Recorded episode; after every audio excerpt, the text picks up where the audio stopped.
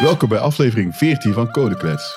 Uh, zoals jullie van ons uh, wel gewend zijn, is dat we iedere keer wel een beetje iets een beetje anders doen. En dat is dit keer ook zo. En we hebben, vandaag hebben we een gast co-host. Compleet nieuw concept. Hebben we eigenlijk nog nooit gedaan. Dus is een, een, een, een co-host die uh, te gast is. En waarom doen we dat? hebben, hebben de rest van de host ruzie met mij? Nou, dat is echt dat is sowieso niet, niet aan de orde.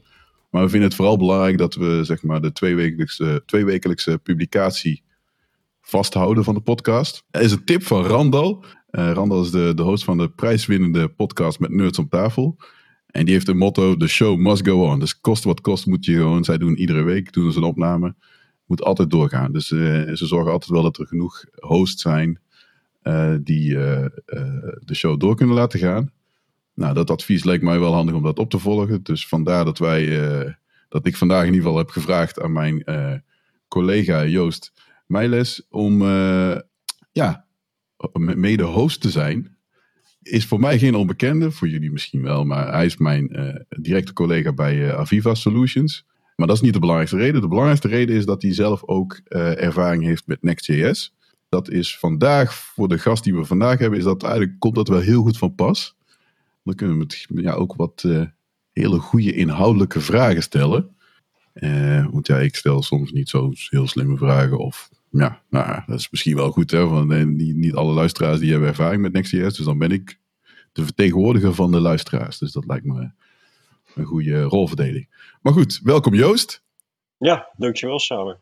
Ja. Uh, ja, niemand, tenminste, er zullen zeker wel links en rechts luisteraars zijn die jou kennen. Maar uh, zou je jezelf kunnen introduceren? Wat, wat doe jij in het dagelijks leven als, uh, als developer? Uh, ja. ja. we zijn nu 3,5 jaar collega's, denk ik. Hè? Ja. En in die afgelopen 3,5 jaar heb ik nou, een heel stuk Sitecore en commerce gedaan. Ja. Dat heb ik eigenlijk sinds ik bij Aviva ben gekomen in gespecialiseerd. nou, met Sitecore Commerce, nou, je kent onze accelerator die we gebouwd hebben met React. Bovenop Sitecore Commerce. Maar het de laatste jaar eigenlijk ben ik uh, steeds meer enthousiast geworden over Jamstack. En ja. ja, ja, ja, ja. Nou, daar komt ook mijn, mijn interesse van Next.js vandaan. Laatst, als je dan nog iets verder te, naar het heden gaat, dan het laatste half jaar we echt diep ingedoken met een nieuw initiatief binnen Aviva. Mhm. Een platform noemen we dat. En dat is de tegenhanger van DXP, wat Sitecore is. Je helemaal alles uit de box krijgt, is een platform uh, de manier om er ja, modulair DXP te hebben.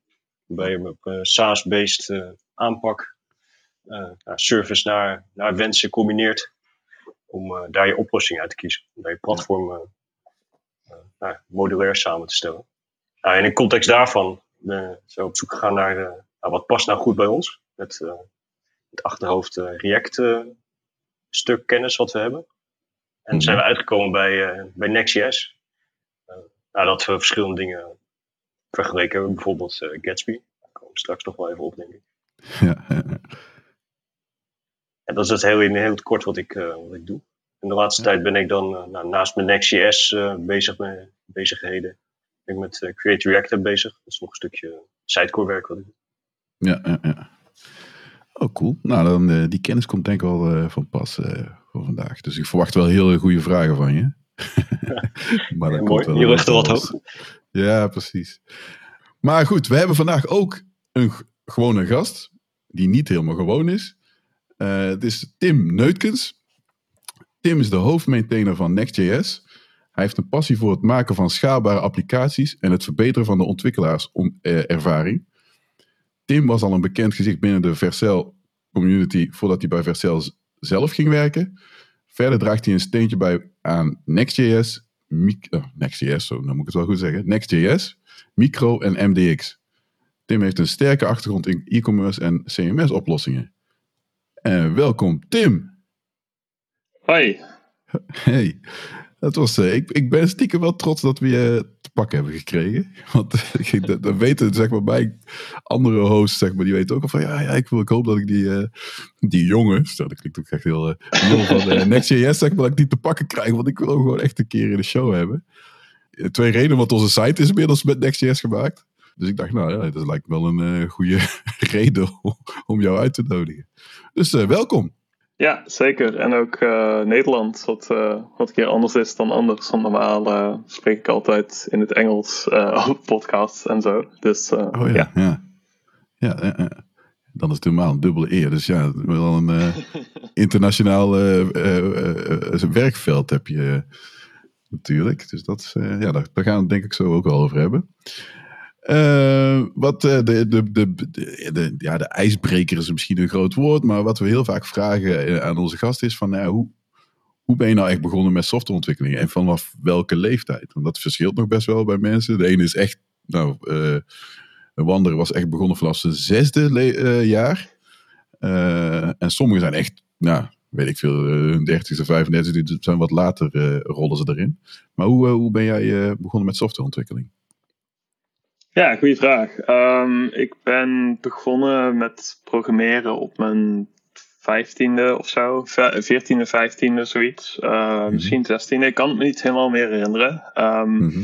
Ik zat in ieder geval op de middelbare school. Um, en ik was gewoon in mijn vrije tijd uh, gewoon dingen aan het lezen over uh, uh, software engineering. En um, toen kwam ik uiteindelijk een site tegen die heet Code Academy. en daar kon je cursussen op doen.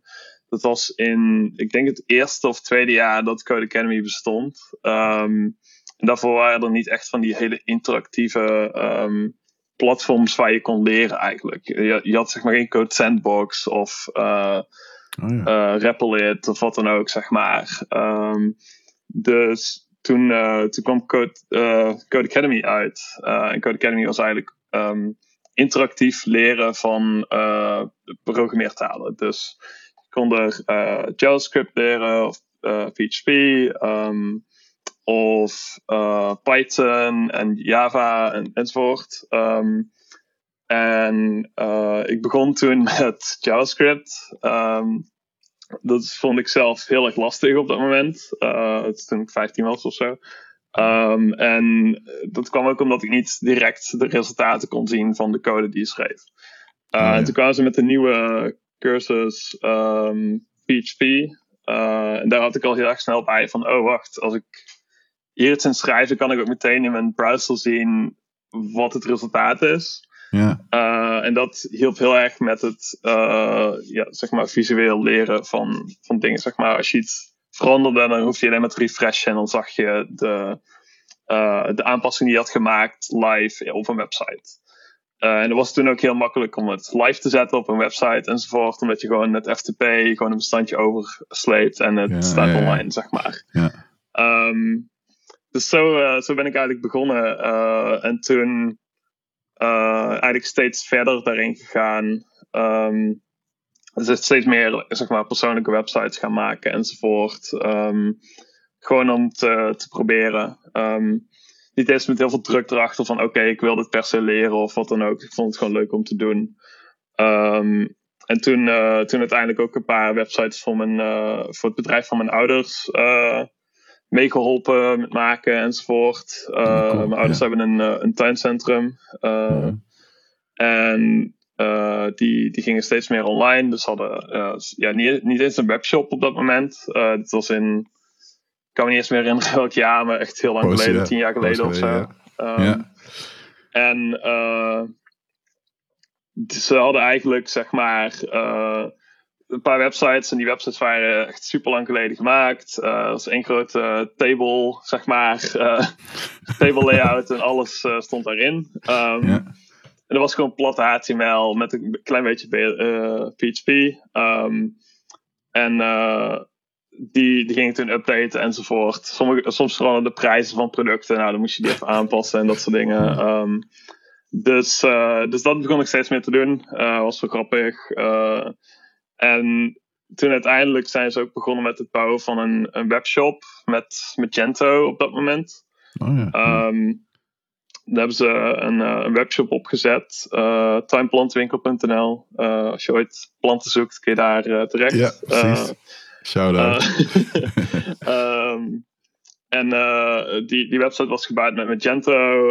Um, super ingewikkeld PHP-framework. zeker voor een 16-jarige. ja, ja. Um, en dat ging allemaal wel goed op zich. toen um, ik studeerde op dat moment, want ik had mijn, mijn VMBO afgemaakt. En daar, toen ging ik naar de MBO toe, MBO ICT-beheer. Nou, ICT-beheer mhm. is helemaal geen programmeren, dat is alleen maar netwerken aanleggen, ja. um, zeg maar software installeren, automatiseren, geautomatiseerd uitrollen van complete netwerken, dat soort dingen. Ja. Um, dus eigenlijk alles wat niet programmeren is, maar gewoon uh, zeg maar DevOps-achtige dingen, alleen dan intern in netwerken. Um, En uh, terwijl ik op die opleiding zat, uh, toen werd ik ook heel erg gemotiveerd door mijn mentor, ehm, die zeg maar, maar ook omdat ik had gezegd dat ik programmeren wel interessant vond enzovoort van hey, je kunt ook dit en dit proberen enzovoort. Dus die hielp me daar heel erg mee met van oké, dit kun je nog meer leren binnen software engineering en software development enzovoort. Zelfs, uh, ook al was dat niet een onderdeel van uh, de opleiding zelf. Ik kreeg er geen punten voor, ik kreeg eigenlijk helemaal... Oh zo, oh grappig. Um, daar, daar, daar, had ik helemaal geen nut aan eigenlijk voor die opleiding. Maar het was wel interessant. En uh, ja. ik had eigenlijk heel veel geluk dat die, die mentor toen dat ook ja, gewoon zeg maar motiveerde eigenlijk. Um, ja. En daardoor begon ik steeds meer websites te maken. We hadden ook een soort um, vak, dat heette Service Desk, waarin dat je eigenlijk het bestaande bedrijfsleven of um, uh, zeg maar, um, goede doelen enzovoort. Die, die dus een website willen, alleen gewoon geen geld hebben om die websites te laten maken. Ja, die kwamen dan bij de school aan, bijvoorbeeld van: hey, we lijken wel een website. En dan uh, konden wij dat doen met WordPress enzovoort. Nou, studenten oh, kunnen op zich uh, heel simpel met WordPress doen. Um, mm -hmm. Dus dan leerde je meer over ja, hoe FTP werkt uh, en dat soort dingen. Nou, dat had ik al een keertje gedaan.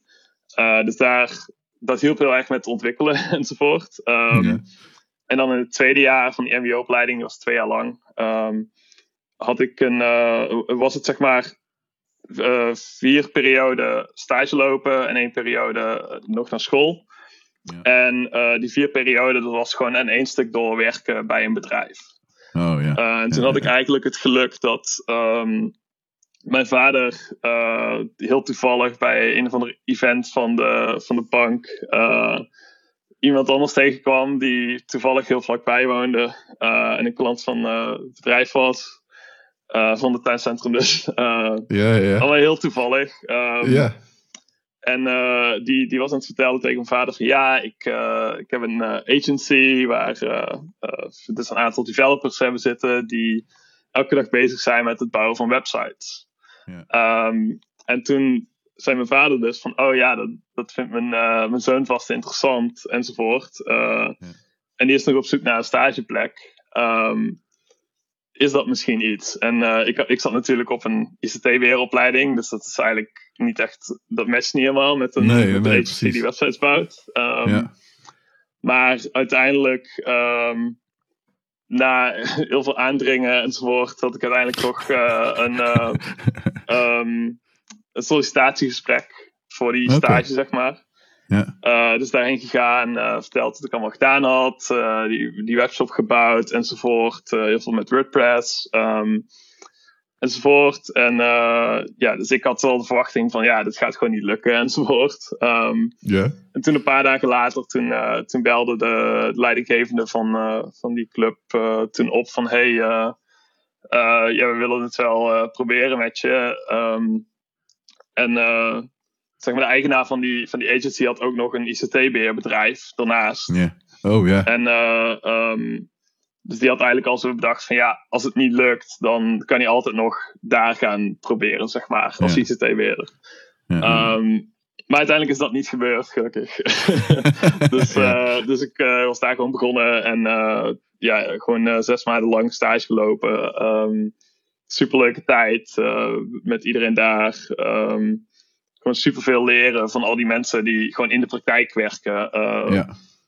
Waardoor dat je gewoon heel veel dingen leert die je daarvoor nog niet kende Nee. of wel van wist, alleen het niet gebruikt had enzovoort. Bijvoorbeeld uh, ja, source control, dus Git bijvoorbeeld. Ehm, en uh, een heleboel andere dingen, ticketsystemen enzovoort.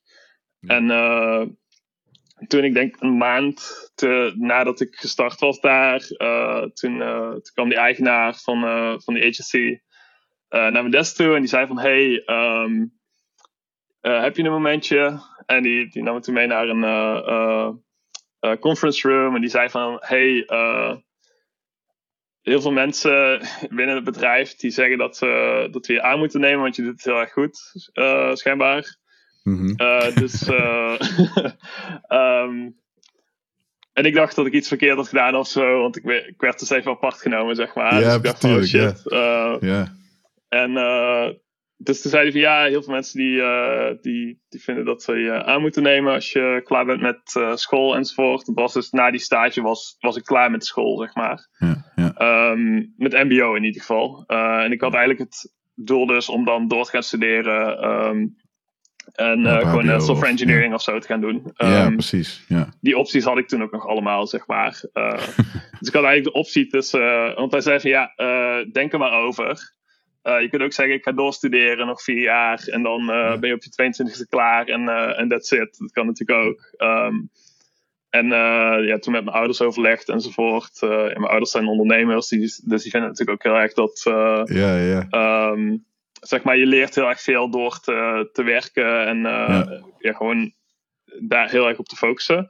Mm -hmm. um, dus toen heel erg goed overleg met mijn ouders en, uh, enzovoort. Uh, want toen was ik nog 17 overigens. Oh, ja. Om het in de context te plaatsen. ja, ja. En dus toen zei, ik, toen zei ik eigenlijk van ja, oké, okay, ik heb nu dus de keuze tussen ik ga werken en ik ga heel veel ervaring opdoen.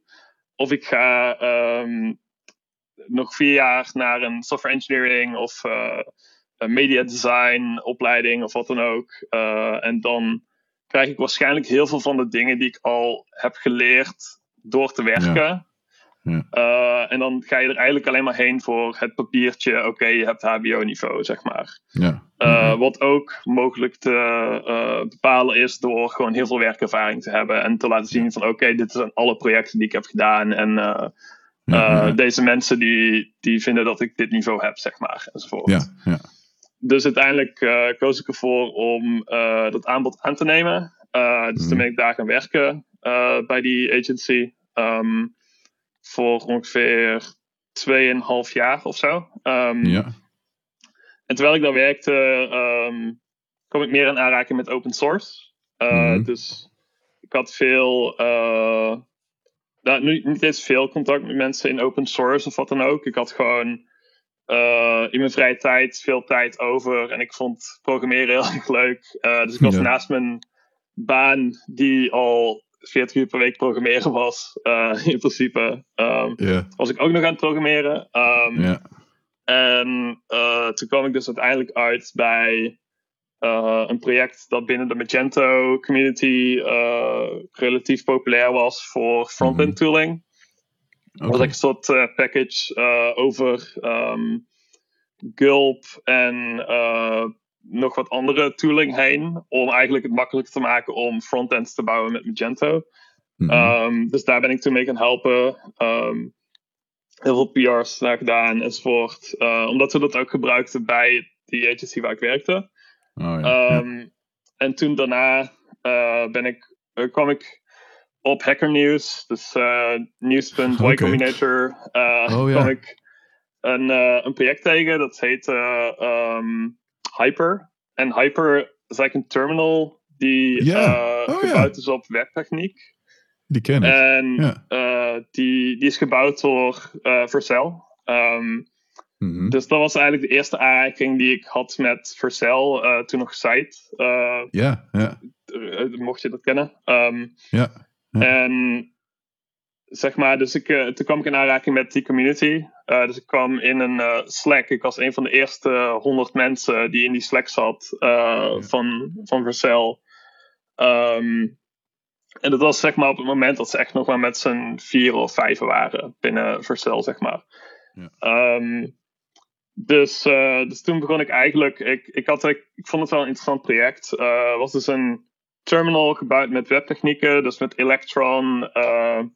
De, hmm. Alle regels waren HTML enzovoort.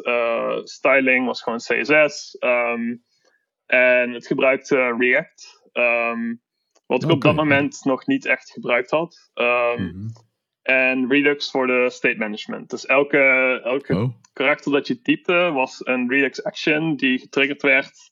En als je dan op enter drukte, dan werden er dus, uh, werd een open state zeg maar, doorgepaast oh, naar een uh, terminal emulator. Um, mm -hmm. En dat was allemaal interessant. Um, die approach die we hadden op dat moment, dat was niet de, de beste approach voor een terminal. Um, dus later is dat allemaal gefixt door uh, een andere soort library te gebruiken die eigenlijk uh, alles in Canvas doet. Dus als je typt, dan is het gewoon een canvas waar dingen op gerenderd worden. Dat, wat veel meer performant is. Um, mm. dat, dat hele stukje techniek zit ook in VS Code voor, bijvoorbeeld. VS Code is een terminal. Um, ja. VS Code is ook een Electron app.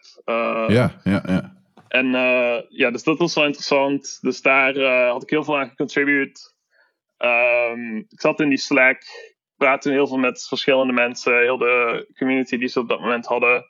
En um, dat was gewoon heel interessant voor mij, omdat ik heel veel aan het leren was van die mensen, zeg maar. Uh, ja. dus, dus dat was wel gaaf. En toen uiteindelijk kreeg ik wat contact met de CEO van Vercel, uh, Guillermo Rauch. Um, dat is de, uh, zeg maar op dat moment ken ik hem nog niet helemaal uh, goed.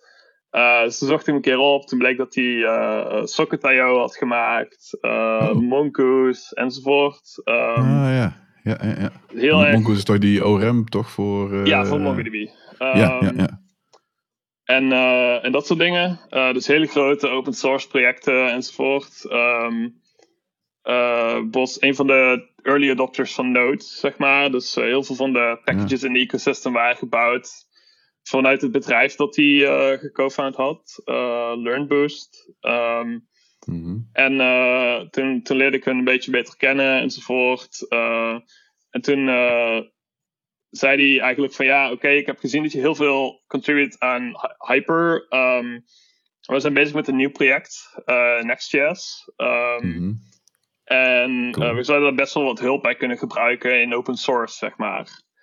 Um, dus ik zei, oké, okay, kijk wel een keer naar. Uh, en toen bleek dus dat het heel erg zoals uh, eh, PHP was. Um, dus je, je, maakt eigenlijk een pages directory. Um, en in die pages directory kun je dus JavaScript files gooien. En dat is eigenlijk net zoals met PHP, waar je eigenlijk dus een index .php maakt. En dan begin je code te schrijven in PHP. En dan zie je meteen wat er, wat er eigenlijk gebeurt op het scherm enzovoort. Um, dat was bij Next ook zo, maar dan voor uh, Node.js en React. Dus je maakt een index.js. daar exploiteer je een React component. En dat React component is meteen gerenderd op je scherm. Um, maar het op, zelfs op dat moment al, dus zeg maar voordat ze Next 1.0 hadden uitgebracht, mm um, was het al met uh, hot module replacement. Dus in plaats van oh, dat je moet refreshen, kon je dus een aanpassing maken, opslaan en dan zag je meteen op je scherm, zonder dat je moet refreshen. Um, ja, of hoeft te refreshen. Ja. Um, dus dat was wel interessant. dus er was wel best wel een goede developer experience. Uh, alles stond wel nog in de kinderschoenen uh, op dat moment. Zeg maar, als je nu terugkijkt, dat is wel vier jaar geleden uh, ja, ja. voor context. Um, ja. Maar er was dus wel veel ehm, zeg maar potentie. In ieder geval, dat is wat ik erin zag. Dus heel veel potentie voor, oké, okay, als je met React werkt, dan is dit wel echt een goede oplossing voor het zeg maar niet hoeven nadenken over, oké, welke routing oplossing ga ik gebruiken of oh, welke compiler ga ik gebruiken? Uh, hoe moet ik Webpack installeren? En en opzetten enzovoort. Dat toen nog echt iedereen was dat handmatig aan het doen. Dus iedereen zette handmatig zijn uh, webpack config op en dan. Um, dan moesten ze daarna nog uh, Pebble configureren. Um, je moest uitzien te vogelen welke transforms allemaal nodig waren om een React component goed te compilen. En als je het dan uitgevogeld had, dan uh, bleek 9 van de 10 keer dat je toch niet alle transforms goed had staan, waardoor je in productie zeg maar niet gecompilede code, uh, code kreeg, dus uh, dat die niet geminified was enzovoort. Um, dus ik zag dat Next daar heel erg mee hielp, door eigenlijk alles te standaardiseren. Dus alles zat er al in voor als je gewoon, gewoon een app wil gaan bouwen, zeg maar. Ja. Um, wat is het voor want dat had ik bijvoorbeeld in die, uh, die tijd bij die agency bijvoorbeeld gezien. Als er geen standaard is over dit is de manier waarop iedereen het gaat doen binnen het bedrijf, uh, dan heb je dus uh, elk project een andere soort config. En over de lange termijn geeft dat heel grote problemen, omdat ze dus dan elke keer of net gaat er iemand weg. Dus iemand die gaat dan bij een ander bedrijf werken en die heeft dan net alles gemaakt binnen het bedrijf. Of ze, um, ze zijn vergeten hoe dat de config werkt, omdat er bijna geen documentatie is. Uh, ja. En dat soort dingen, dat is puur, dat is niet eens omdat, zeg maar, uh, dat, dat is niet dat het zo is alleen bij die agency. Uh, dat was bij elk bedrijf dat ik tegenkwam op conferences, bij meetups enzovoort die vertelden allemaal hetzelfde verhaaltje van oké, ja, we zijn niet blij met onze config en uh, we gaan uh, migreren naar deze applicatie en deze compiler en dan gaat het misschien wel opgelost zijn of wat dan ook. Alleen, het kwam er eigenlijk altijd op neer dat ze gewoon zeg maar, te weinig tijd hadden om dit allemaal uit te bouwen, zeg maar. Ja, precies. Uh, zeker bij agencies waar je um, zeg maar projecten aan het bouwen bent voor zeg maar, de eindgebruikers of de eindklanten die ja. veelal zeg maar, uh, zeg maar onderschatten hoeveel werk dat dan is. Zeg maar. En dat documenteren dan eigenlijk zeggen van oké, okay,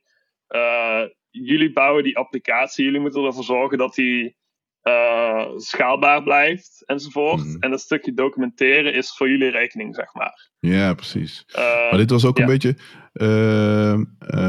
even kijken, want ik, ben ik was niet per se helemaal bij in het begin bij, uh, met React betrokken. Maar toen ik daar een beetje bij inrolde, dat was ook vanuit Aviva vanwege ons commerce platform. Ik, ik, uh, maar ik deed toen daarvoor Angular. Ja goed, ik ben geen Angular fan, dat weten mensen wel. toen ben ik React gaan doen. Het was de eerste instantie van, hé, hey, wat is React nou? Uh, doe niet zo raar met je gekke JSX.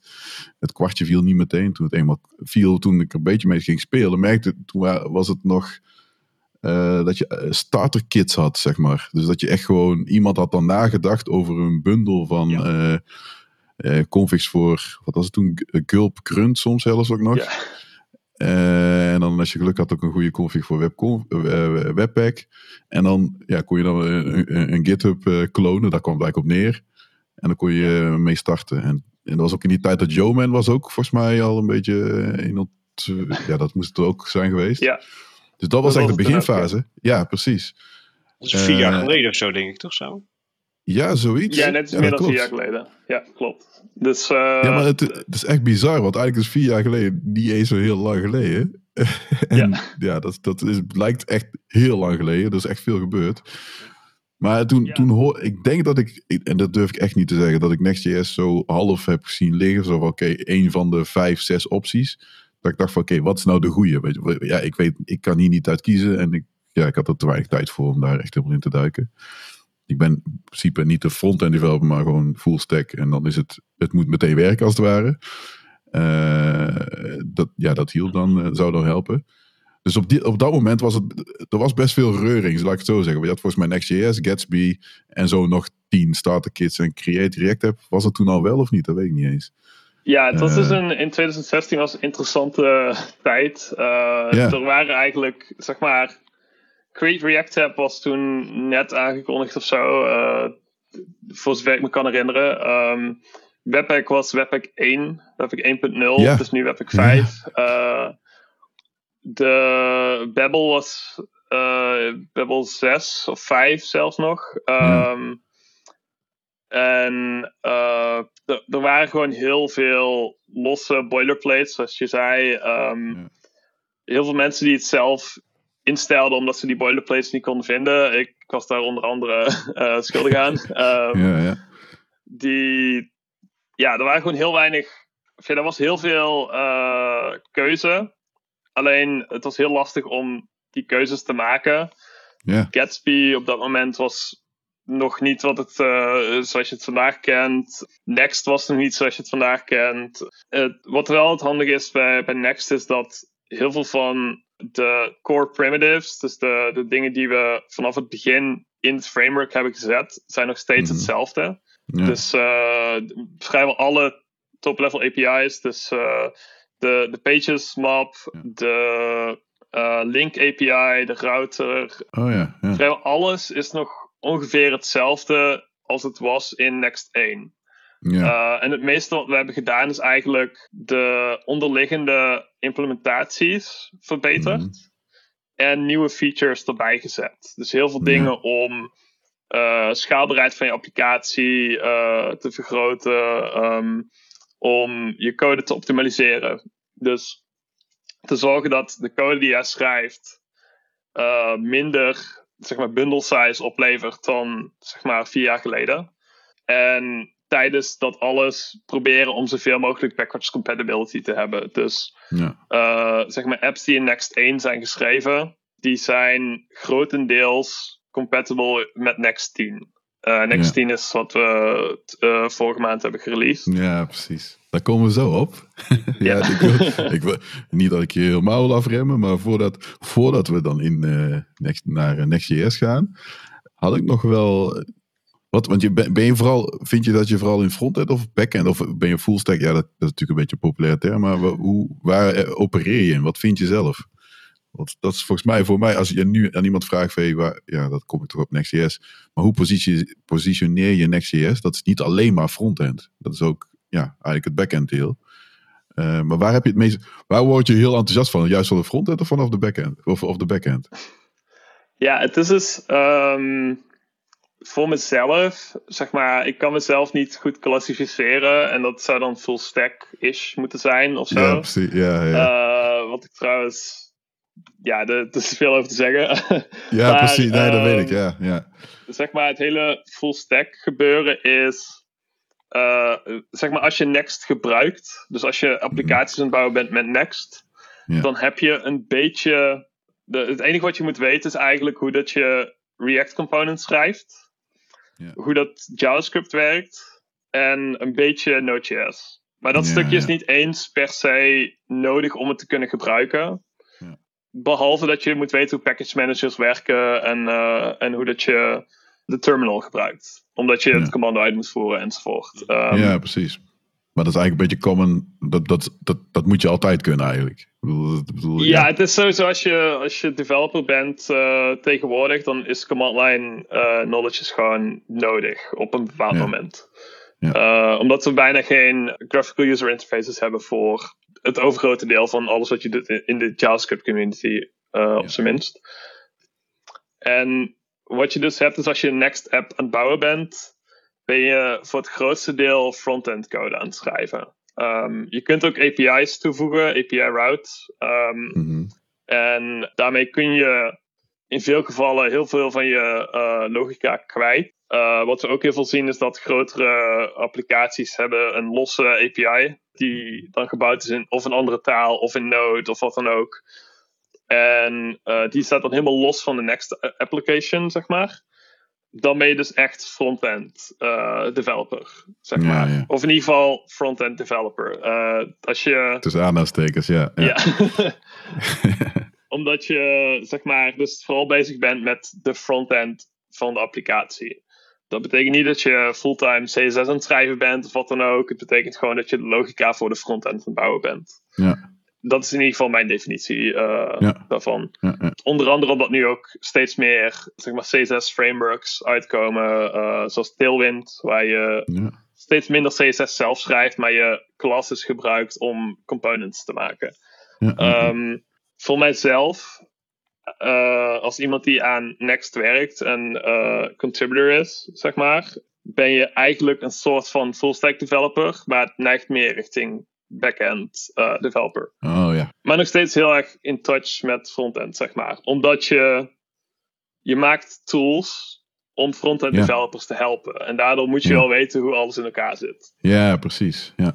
Maar daarentegen ben je ook met heel erg, heel erg verbonden dingen bezig die met backend te maken hebben. Dus je bent bezig met het optimaliseren van code die alleen maar in Node.js draait. Uh, Ja. Je uh, bent bezig met contributen aan Webpack, aan Babel. ehm, je bent bezig met het beschrijven van plugins voor Webpack. ehm, uh, en dat soort dingen. En dat zijn dingen die je als front-end developer tegenwoordig vrijwel niet hoeft te doen.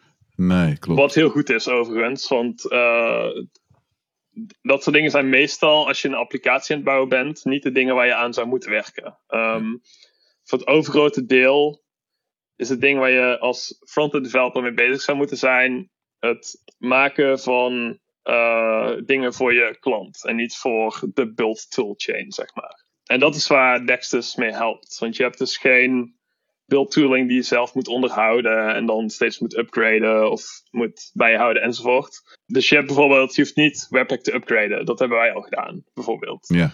Ja. Uh, dus als je Webpack 5 wil gebruiken, dan kun je nu in Next zeggen: Oké, okay, ik ga Webpack 5 installeren op een bepaalde manier. Uh, mm. op dit moment nog in beta uh, vandaag. Um, en dan kun je het meteen gebruiken, omdat wij al die tijd gestoken hebben in het upgraden ja. van Webpack. Ja, en dat kan soms heel makkelijk zijn. Het kan zijn van oké, okay, uh, we upgraden dependency en that's it. Um, mm -hmm. Maar major upgrades van compilers, zoals Webpack, dus compilers slash bundlers, um, ja. is over het algemeen heel erg ingewikkeld, omdat je al je plugins compatible moet maken enzovoort. Mm -hmm. En uh, dat kan soms weken duren, bijvoorbeeld, om dat helemaal goed ja. te krijgen. Ja.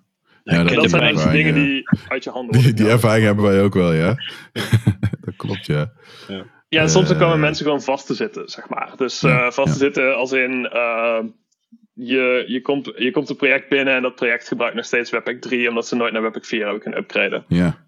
Um, dat was zeker... Zeg maar, Webpack 3 naar 4 was bijvoorbeeld een heel erg grote update...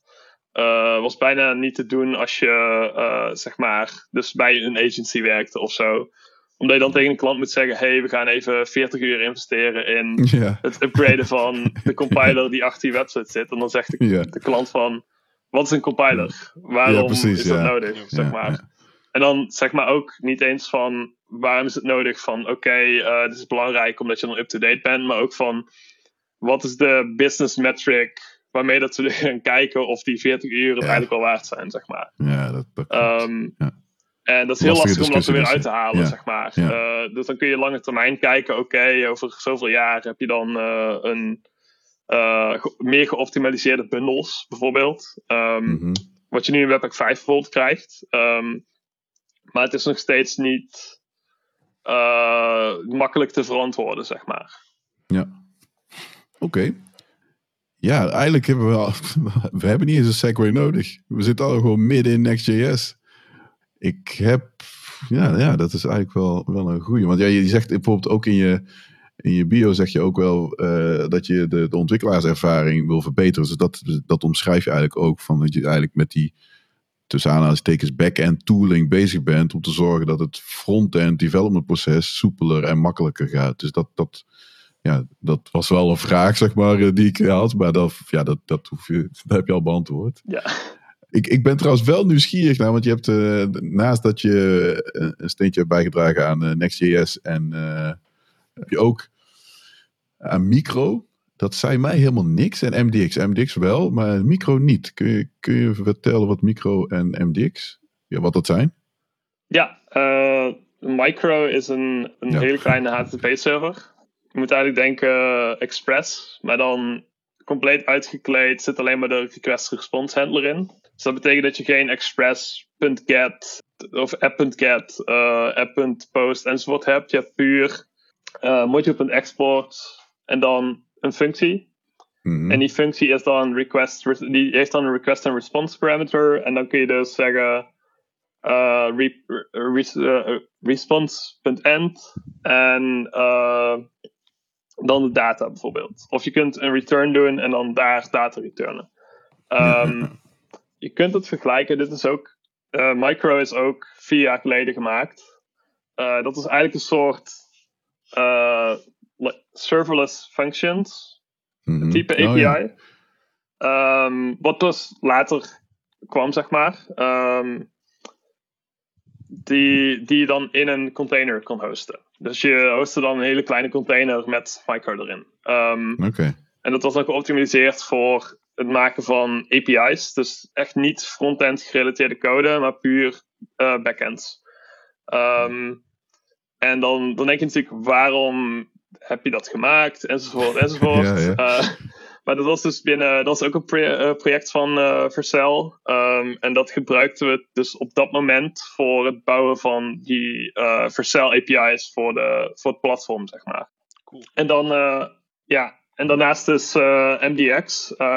dat is een project wat ik samen met Guillermo, de CEO van Vercel, um, ben gestart toen we eigenlijk bezig waren om uh, de, ja, we, we, noemen het zelf de blog authoring experience. Uh, wat is eigenlijk, uh, we waren op dat moment heel veel blogs aan het schrijven. Um, ja, ja. Ehm, headless CMS's waren nog niet helemaal, zeg maar, de hot and happening thing dat, dat ze dit jaar zijn geworden. Um, en, en vorig jaar. want dit was, dit was in 2018. Um, -huh. Dus we, we hadden eigenlijk zoiets van, oké, okay, we willen eigenlijk alles in Markdown schrijven. Want we schreven toen op dat moment alle blogposts met JSX. Oh, dus letterlijk als je, oh, een, uh, okay. uh, nou ja, als je ooit JSX hebt gebruikt om gewoon components te maken, werkt het helemaal perfect. Maar voor ja. het schrijven van blogs is het niet het meest ideale. Nee.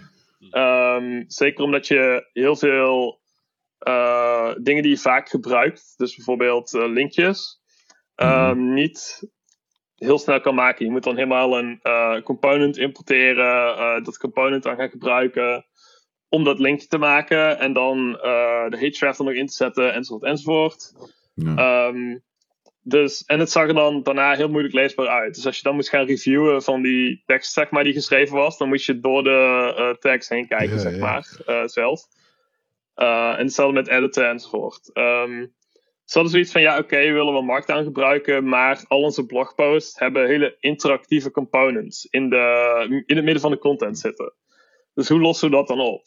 Um, en toen hadden we dus het idee, uh, had op dat moment het idee van, ja oké, wat nou als we um, mensen dus die uh, import, dus JSX imports, laten schrijven in de Markdown, aan de bovenkant van de Markdown-file. Um, En dan mhm. die JSX laten gebruiken in, in de Markdown.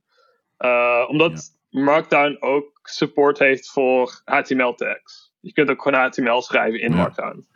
Uh, mm -hmm. En dat is bijna altijd valid, zolang je de juiste spacing houdt. Um, dus toen begonnen we eigenlijk met een soort spec. Die spec die uh, um, de specificatie van hoe dat alles eruit zou zien in de meest ideale situatie. Dus oké, okay, mhm. hier zijn we mee bezig geweest. En uh, toen had Guillermo het idee van oké, okay, we gaan er niet meteen zelf aan werken, maar we gaan kijken wat de hele community erover denkt. Want het is misschien wel een interessant idee voor meer mensen. Ja. Uh, en toen op dat moment was Spectrum nog een ding. Uh, Spectrum is zeg maar een forum software die is ja, overgenomen ja. door, door GitHub ik denk ook oh. anderhalf jaar geleden of één jaar geleden. Um, en oh. uh, dat is uh, recent. Uh, hebben ze, zijn ze daarmee gestopt, omdat ze nu GitHub Discussions hebben. Um, en GitHub Discussions is zeg maar in GitHub ingebouwd. dus dat is iets makkelijker om te gebruiken. Um, en dat gebruiken wij nu ook voor, voor Next.js. Um, en dus wat we eigenlijk deden was, we posten daar op het forum voor, uh, zeg maar, je had meerdere spaces. En er was een space voor uh, Frontend Café, I believe. Uh, ja. Denk ik dat het is. Um, ja, ja. Um, en Frontend Café was zeg maar heel veel verschillende um, programmeurs. Niet eens alleen maar mensen die React gebruikten of alleen maar mensen die Vue of Angular gebruikten. Maar gewoon iedereen die in die spectrum zat, die, uh, ja. die was gewoon aan het programmeren in, JavaScript, de meeste. Um, dus Guillermo had die gepost. En, die, en daarover getweet enzovoort. Die tweet die ging best wel viral is in de ja. frontend community op Twitter. Um, dus heel veel mensen kwamen in dat forum en in dat forum begonnen ze ook allemaal ideeën te delen enzovoort. Um, beetje het standaard open source verhaal. Um, en toen, zeg maar, twee dagen later, dus na het weekend, uh, want we hadden het op vrijdag of zo gepost. Ja. kwam er een post van iemand die zei van, hey, uh, ik had dit weekend uh, tijd en het bleef maar in mijn hoofd rondspoken. ik heb het helemaal geïmplementeerd. Dus die had zeg maar een proof of concept gemaakt en op GitHub gezet. Um, dus toen zeiden wij: Oké, dat, is, dat is mooi. um, interessant. even kijken naar de implementatie enzovoort. Want we hadden wel wat ideeën over hoe dat die implementatie zou moeten zijn, zeg maar. Mm -hmm. een van de, de voornaamste dingen was: we kunnen niet compilen in de browser. Dus die nee. JSX syntax of die MDX syntax, die moet dus gecompiled worden in iets als Webpack of, oh, ja. of ja. zoiets. Um, puur om ervoor te zorgen dat je niet in de browser zeg maar een hele uh, babbel moet draaien om, om nee. dat allemaal goed te krijgen. Want dat is zeg maar 700 kb aan, aan code. Um, en dan ben je sowieso al over je budget heen. Dus dat, ja. dat ging niet worden. Um, en die initiële implementatie bij, door John Otender, een gast uit Amerika, die, die zag er best goed uit. Alleen die deed dus dat exacte, wat ik net uitlegde, die, die parste en compilede het in de browser. Um, oh, via, um, via eigenlijk twee dingen. Via Remark. Oh, ja. Dat is eigenlijk een, een parser voor Markdown.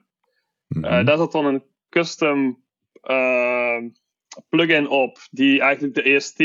Want het, is, misschien heel technisch. Uh, nee, dat maakt niet uit. EST's ja, enzovoort hebt gehoord. Uh, een abstract, uh, abstract syntax tree, maar, ja, precies. Ja, ja dus de abstract syntax tree krijg je door eigenlijk de code te parsen. En dan is, krijg je eigenlijk een soort JavaScript object terug. Met elke regel die jij in je um, Markdown hebt gezet. En dan daar alle metadata van. Die dan de, de compiler eigenlijk voor die taal, dus in dit geval Markdown, uh, mm -hmm. heeft gepakt. Um, en met Remark had je dus dan, dan parste je dat dus eigenlijk. En dan kon je daarna plugins over die EST draaien. Dus hetzelfde als de manier waarop dat Babel werkt bijvoorbeeld. Ja. en wat ze toen, wat ze daarin dus deden was, we pasten die HTML tags dus die HTML-tekst die waren al geparsed. Want de JSX was dus HTML in principe. Uh, Daar parste nog die, die JSX uit. En maakte daar dus een, uh, in plaats van een HTML-node, maakte daar een JSX-node van. Um, en wat oh, we ja, daarna deden JavaScript, was... Ja, ja, ja. ja. Van oké, okay, het was niet eens implementatie-wise, maakt het niet zoveel uit. Alleen we hadden ook een spec die we wilden maken voor dit is wat een MDX-document eruit ziet in een EST. Zeg maar. Oh ja. Dus ja. hebben we ook een MDX AST format, zeg maar, gemaakt. Um, ja, ja. Om het zo duidelijk mogelijk te krijgen voor mensen die een eigen parser zouden willen implementeren enzovoort. Um, mm -hmm. Dus die MDX AST die werd daarna dus weer terug omgezet in iets anders. Dus in HTML of JSX of wat dan ook. Mm -hmm. uh, in die initiële implementatie werd het dus omgezet in React Components.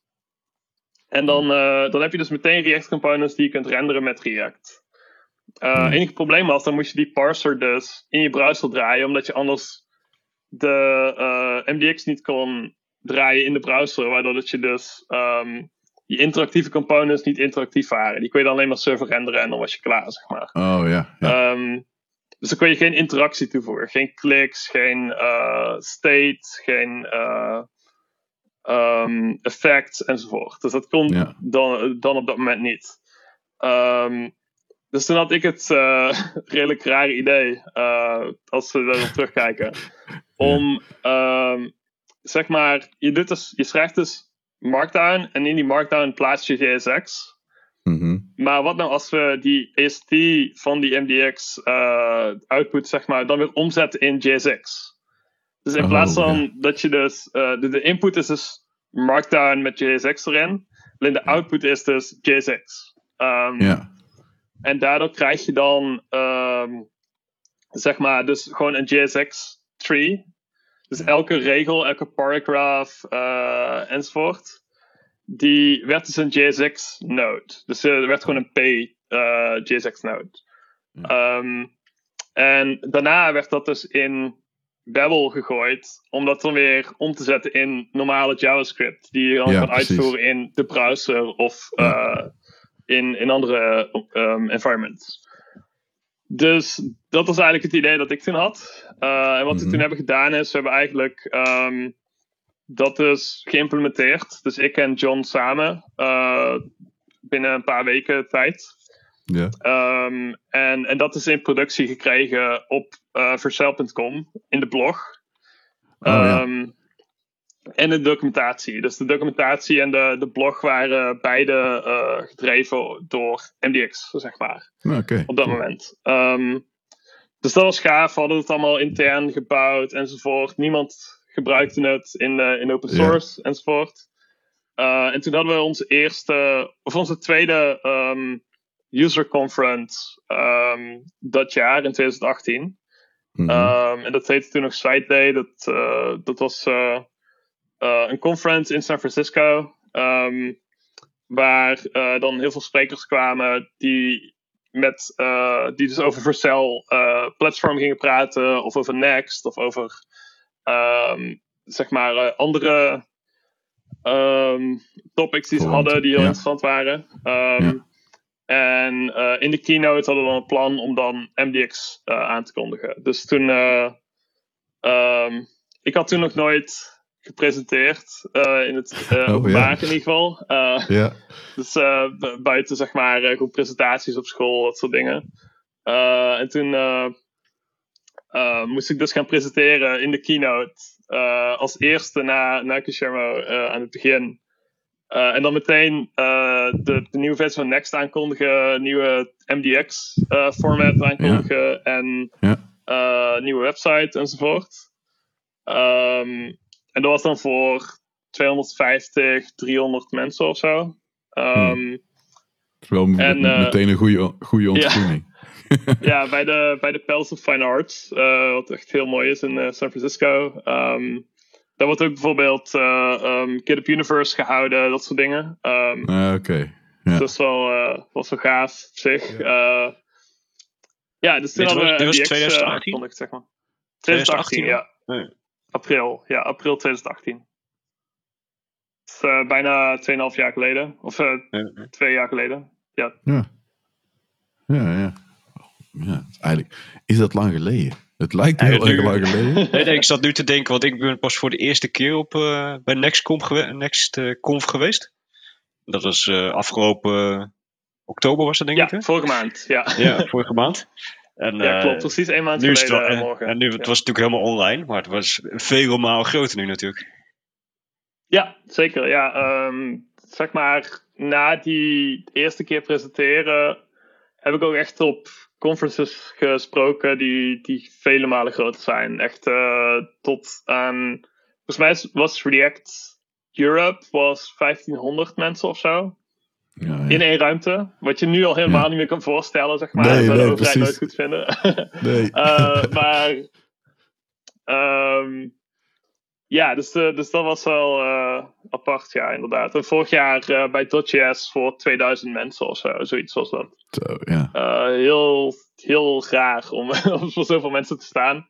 Gelukkig dimmen ze als je, ja, als je Oh, ooit ja. denkt over, oké, uh, ik durf niet op een podium te staan en ik ben bang dat heel veel mensen naar me kijken.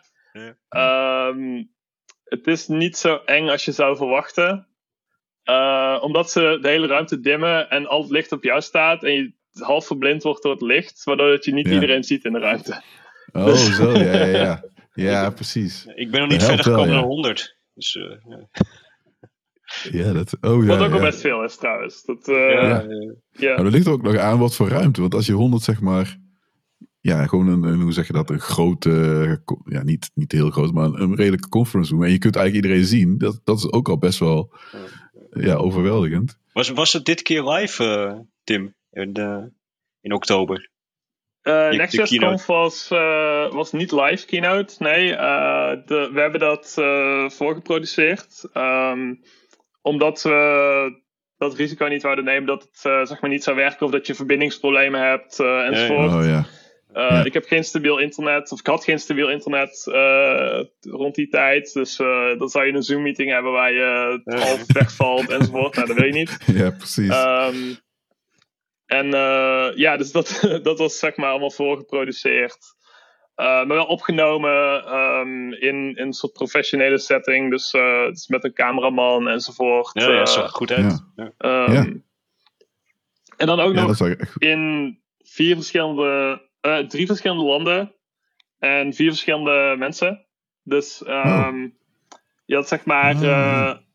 Uh, ik in Nederland hier dus, uh, vlakbij Eindhoven opgenomen. Um, die, uh, de, de, andere waren, twee waren in San, in San Francisco en um, de laatste was in Buenos Aires, in Argentinië. Um, dus, dus ja, dat was, dat was wel interessant. Oh, we moesten dus alles aan elkaar plakken, zeg maar, al die stukken. en dat moest dan ook allemaal goed overlopen. Um, en uiteindelijk, ik ben heel positief over het resultaat. En uh, heel veel mensen die feedback gaven ook. Dus uh, ja, dat was wel gaaf.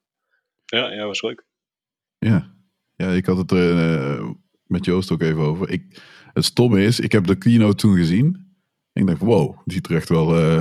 ja, dat is, een, ja, dat is een compliment, denk ik wel. Een beetje Apple-esque uit, zeg maar. Weet je, het, ja, het zag er gewoon goed uit, zeg maar. Dus dat vond ik echt wel indrukwekkend. Uh, alleen er gebeurde dingen, volgens mij over mijn kinderen, dat zei ik net ook al, over mijn kinderen of over werk. Uh, want het was aan het einde van de dag voor ons toch, uh, Ja, klopt. Ja, dus uurtje dus of zes, zeven of zo? Het begon om vijf uur s middags ja. inderdaad. Ja, ja precies. En, ja. Ja, dat is voor dus mij altijd een overgang. precies rond etenstijd enzovoort. Dus, ja, dus op zich was etenstijd... ja.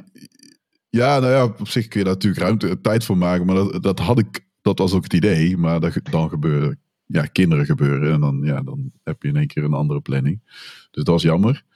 Uh, en volgens mij staan nu een aantal talks staan online, uh, als ik het goed heb gezien. Ja, klopt. Dus de keynote ja, kun je ja. al terugkijken. En uh, een aantal talks ook. Dus talks van, van mensen van Lyft, van HashiCorp, um, Tencent. Tencent is een heel groot Chinees bedrijf dat achter oh, WeChat zit bijvoorbeeld. Um, hmm. En ook de grootste um, nieuwssite van China uh, uh, okay. host, zeg maar. Die, dat zijn, die zitten achter de grootste nieuwssite van China. Die mm. ook op Next is gebouwd, overigens. Dus, uh, wow, de, dat is wel tof. Ja. Zeg maar de, wat was het, vierde of vijfde grootste website van de wereld. Op basis van Alexa-ranking. Uh, die draai ze op, uh, draai op voor Zelda? Uh, nee, nee, die doen de self-hosting, ja. ja, ja. Um, we hebben ook uh, klanten van Vercel die echt uh, gigantisch groot zijn, zeg maar. Dus het is niet zo dat uh, zeg maar die allergrootste sites zeg maar alleen maar self-hosten. Die nee, nee, ik was hosten meer ook op Vercel voor, ja, voor van alles, zeg maar. Ja. ik was meer benieuwd hoe het in China werkt. Want ik weet in China is het natuurlijk uh, gevoelig ding om in Amerika te draaien bijvoorbeeld. Ja. Dus dan, ja, de meeste, de, de, manier waarop dat in China werkt, is dat je dus uh, een, een, Chinese region moet hebben. Ja. Waarin dat je dus, uh, bijvoorbeeld AWS heeft, heeft regio's in mainland China en Hongkong. Um, oh ja. En dat is waar je dan je services op draait voor die, zeg maar, die specifieke groep van, van klanten, zeg maar, eigenlijk. ja, ja. ja. Oké. Okay. Uh, eens even zien. Ja, vragen, vragen, vragen. Heel lijst met uh, vragen samen. Ja, we hebben zeker een lijst van vragen. Uh, eens even kijken. Ja, het voortrekt heb ik nou wel. Ik denk dat daar, daar, daar hebben we een aantal dingen wel besproken. We zitten gewoon midden in Next.js. Dat is lekker gezellig. uh, en bij de Next.js 10 ik ga niet de hele historie, ik bedoel, laten, dat, dat, laten we het gewoon even over tien hebben. Want bij die conferentie, ja, dat is natuurlijk redelijk recent, is die uh, uh, versie gereleased. Uh, ik zag dat een aantal grote features ook onder zijn. Ik ga ze niet allemaal opnoemen. een aantal waren er onder image, andere... Image, Component, dat was een heel groot. Ja, Image Component.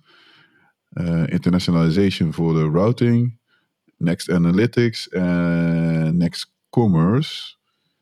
Uh, misschien is het handig om dan dat, dat, we die gewoon, ja, dat we daar even bij stilstaan. Maar het image component, nou, dat ik misschien wel, dat spreekt meteen mensen ook wel aan. Ja. uh, waarom heb je die gebouwd? Laat ik het zo, uh, laten we dan maar meteen ja. zo. Um, ja, dat, dat heeft eigenlijk meerdere redenen. Um, een van die redenen is dat we er eigenlijk achter kwamen dat een heel groot gedeelte van alle bytes die in een pagina zitten, images zijn meer dan 50% uh, eh, in, in veel gevallen.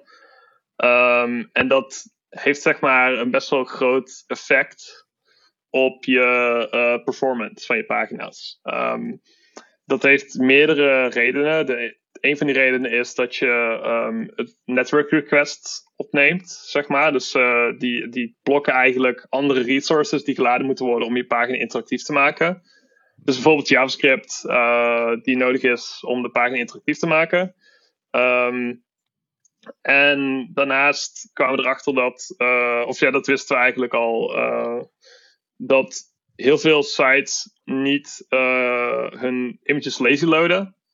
Dus dat houdt eigenlijk in dat die eigenlijk alle images laden voor de hele pagina. Terwijl je alleen maar, zeg maar, 30% van die um, uh, van die images ziet in het initiële viewport, zeg maar. Dus ja. Um, als je een site opent, dan zie jij een aantal images. Maar alle images eronder, die zijn niet nodig om jou uh, te laten starten met het lezen van de pagina. Ja. En als je die dus niet lazy loadt, dan uh, heb je dus het probleem dat hij dus langer doet over het laden van de pagina terwijl dat niet nodig is, zeg maar. Dus ja, ja. Uh, we wilden dat eigenlijk dat probleem oplossen. Dus uh, performance-wise het beter maken van uh, het niet laden van images die uit de viewport zijn. Mhm. Um, en daarnaast ook het preloaden van images die heel belangrijk zijn. Dus als je bijvoorbeeld kijkt, Google die gaat hun search engine ranking aanpassen volgend jaar naar core web vitals. En Mhm. uh, dat is een nieuwe factor, zeg maar. En core web vitals zijn eigenlijk drie verschillende metrics. Uh, en daar kunnen er later nog meer bij komen. Uh, en de eerste drie zijn eigenlijk um, first contentful paint. Dat eigenlijk hoe snel dat de pagina gerenderd is met content. Ja. largest contentful paint. Dat betekent eigenlijk wanneer het grootste element op die initiële viewport geladen is. En cumulative layout shift. En dat betekent eigenlijk. Um, de, de beste manier om dat uit te leggen is eigenlijk: je gaat naar een pagina toe. En Mhm. terwijl de pagina aan het laden is, zie je allemaal elementen op en neer springen. Totdat je uiteindelijk Oh, ja. het juiste eh, resultaat ziet. En vrijwel iedereen die het web ooit gebruikt heeft, heeft Ja. dat ooit ergens gezien. Ja. Uh, zeker op, mobiel, op je mobiele apparaten enzovoorts, op je telefoon. Uh, als je daar op een website zit en die website heeft advertenties of afbeeldingen of wat dan ook, en je opent de pagina, dan is de kans heel groot dat je begint te scrollen, omdat je die tekst is heel snel ingeladen en de afbeeldingen bijvoorbeeld niet. Um, zeker op 3G-verbindingen of uh, 4G-verbindingen. Um, en dan begin je te scrollen en ineens is de tekst waar je was, is zeg maar naar beneden geslagen, zeg maar, door een afbeelding die hoger zit. Zelfs die afbeelding zie je niet, zeg maar, op je telefoon. Op je desktop zie je die wel. Dan zie je gewoon alles op en neer springen, zeg maar. Ja. Um, dus dat heet cumulative layout shift. Daar hebben ze nu een metric voor gemaakt, een manier om het bij te houden in Chrome. Uh, Oké. En dat wordt ook uitgerold naar andere browsers. Zodat je kunt meten hoeveel cumulative layout shift jij hebt in je pagina. Of layout shift in je pagina. Um, en dat mag niet hoger zijn dan een bepaald percentage. Uh, want als het hoger is dan een bepaald percentage, betekent eigenlijk dat heel je pagina op en neer aan het uh, springen is. Ja. Totdat de hele pagina geladen is. Ja. Um, en afbeeldingen zijn een heel grote factor in dat uh, hele verhaal. Afbeeldingen en advertenties. Nou, afbeeldingen, daar waren we al naar aan het kijken natuurlijk, uh, zoals ik Mhm. zei. Um, en de manier om dat eigenlijk op te lossen, dus dat layout shift gedeelte, is om ervoor te zorgen dat developers dus eigenlijk zeggen: dit is het aspect ratio van de afbeelding die hier gerenderd gaat worden. Dat hoeft niet eens de, de width en de height te zijn, um, ja. maar puur het aspect ratio. Uh, en nou is het natuurlijk zo dat je het aspect ratio kan uh, berekenen door de uh, width en height te weten. Mhm. Dus wat we eigenlijk gedaan hebben is, we hebben een React component gemaakt Mhm. die width en height nodig heeft. Uh, Ja. Dus je moet een SRC toevoegen. Uh, dat is dus gewoon de source van image. Um, En daar moet je dan width en height aan toevoegen. Dat Mhm. hoeft niet per se de width en height te zijn van de afbeelding zelf. Het hoeft alleen maar de width en height te Oh, zijn van, om de, de aspect ratio te, te berekenen. Ah, zo, ja. En dan kun je dus meerdere layouts toevoegen. Dus dat is een layout property die, die bestaat voor meerdere soorten layouts. Omdat we erachter kwamen dat er meerdere eh, afbeeldingen worden op vele, veel verschillende manieren gebruikt. En verschillende layouts, dus bijvoorbeeld in een, eh, ehm, in een flexbox, in een grid enzovoort. Ja, ja. En die moeten op een andere manier gestyled worden om dan die layout shift te voorkomen. Oh, Dus ja. er zit nog een layout property bij. En dan is eigenlijk het laatste stukje is, wat je eigenlijk helemaal niet ziet als je het aan het gebruiken bent. Dat is dus, je gebruikt de image component en daardoor Mhm. ben je automatisch aan het lazy loaden. En als je dan eh, een afbeelding hebt die in de viewport zit, dan kun je hem ook nog priority geven. En priority betekent eigenlijk, deze afbeelding is heel erg nodig voor de largest contentful paint. Want largest contentful paint wordt meestal gemeten op een hele grote afbeelding die op de homepage staat. eh, op de initiële viewport. Ja. Dus Ja. eh, wat je heel vaak ziet op websites. Dus ehm, stel je gaat naar bol.com of Coolblue of wat dan ook. dan is de eerste afbeelding die je ziet. Eh, in je viewport is vaak een hele grote afbeelding die eh, bijvoorbeeld een actie laat zien of zoiets. Ja, Uh, en die afbeelding moet er heel snel zijn, want die largest contentful paint wordt daarop gemeten. Dus wat priority dan doet, is eigenlijk, dan uh, zeg jij tegen Next van oké, preload deze afbeelding en zorg ervoor dat die zo snel Mhm. mogelijk geladen is, zeg maar. Ja. En dat kunnen wij dan weer ja, doorzetten naar de browser door die linker op preload toe te voegen. Uh, Mhm. Wat is gewoon een, uh, een webstandard is voor oké, deze resource is nodig om een afbeelding snel te kunnen laden. ja, ja. En daardoor laat hij dan ook sneller. En daardoor gaat de ehm, largest contentful paint, hebben we gezien dat die eh, soms verbeterd wordt met meer dan 50%. Hm. Dus dan heb je Dat is 50% wel nice, ja. sneller je largest contentful paint. Eh, en largest contentful paint, ja, je moet het eigenlijk een keer opzoeken. Web.dev, eh, een eh, site van, van Google. Mhm. Daar wordt alles uitgelegd over al die core web vitals. Mhm. En daar wordt ook uitgelegd dat bijvoorbeeld largest contentful paint gemeten wordt omdat ze dus research hebben gedaan, dus psychologische research binnen, zeg maar tegen users bijvoorbeeld. Mhm. Eh, waarin dat blijkt dat heel veel mensen wachten totdat die grootste afbeelding geladen is voordat ze überhaupt aan de pagina beginnen te scrollen. Oh, Ehm, oh wauw, ja. en dat is natuurlijk niet handig als je dan dus mensen laat zit, zeg maar, zitten wachten op dat hele grote Ja. afbeelding ding dat, eh, dat er nog niet Ja. is, zeg maar. Ja, ja. Ehm, En als je, als je kijkt naar de, de, naar de, de concurrent, hè, Gatsby. Die, eh, die had natuurlijk al een tijdje image eh, support. Zie je, zie je dit als laatste dingetje wat jullie nog niet hadden bij Next.js en eh, Gatsby wel? Eh, mag ik het zo omschrijven? Nou, je kon dit natuurlijk al zelf doen door ehm, zeg maar een image component te gebruiken van, Ja, ja, zeker. eh, van een, eh, zeg maar, de, die op NPM stond bijvoorbeeld. Ehm, Ja. En daardoor kon je dus, ehm, zeg maar, het lazy loaden in ieder geval krijgen. Mhm. Uh, en het uh, optimaliseren van images kon je doen door bijvoorbeeld. Uh, daar hebben we het nog niet eens over gehad. Uh, dus stel je wilt images optimaliseren, Nee. dan moet je dan een CDN gebruiken. Dus een, uh, een image CDN zoals uh, Cloudinary of um, Ja. um, ImageX of uh, Fastly uh, Image Optimizer. Of zeg maar, er zijn een heleboel van deze soort Ja. services. Ja, ja. Uh, en die moet je dan zelf configureren en instellen en, en dan zorgen dat het allemaal werkt samen met je component. En dan was je nog steeds niet, want dan moet je nog steeds SRC sets toevoegen en ja, ja. uh, sizes en van alles, zeg maar. Ja, ja, Um, precies. ja. allemaal om images zo klein mogelijk te krijgen. Ehm, en dus, zeg maar, uh, dus Next kun je gebruiken als, uh, zeg maar, om tegen dat het hele stuk over Gatsby bijvoorbeeld. Gatsby is een static site generator.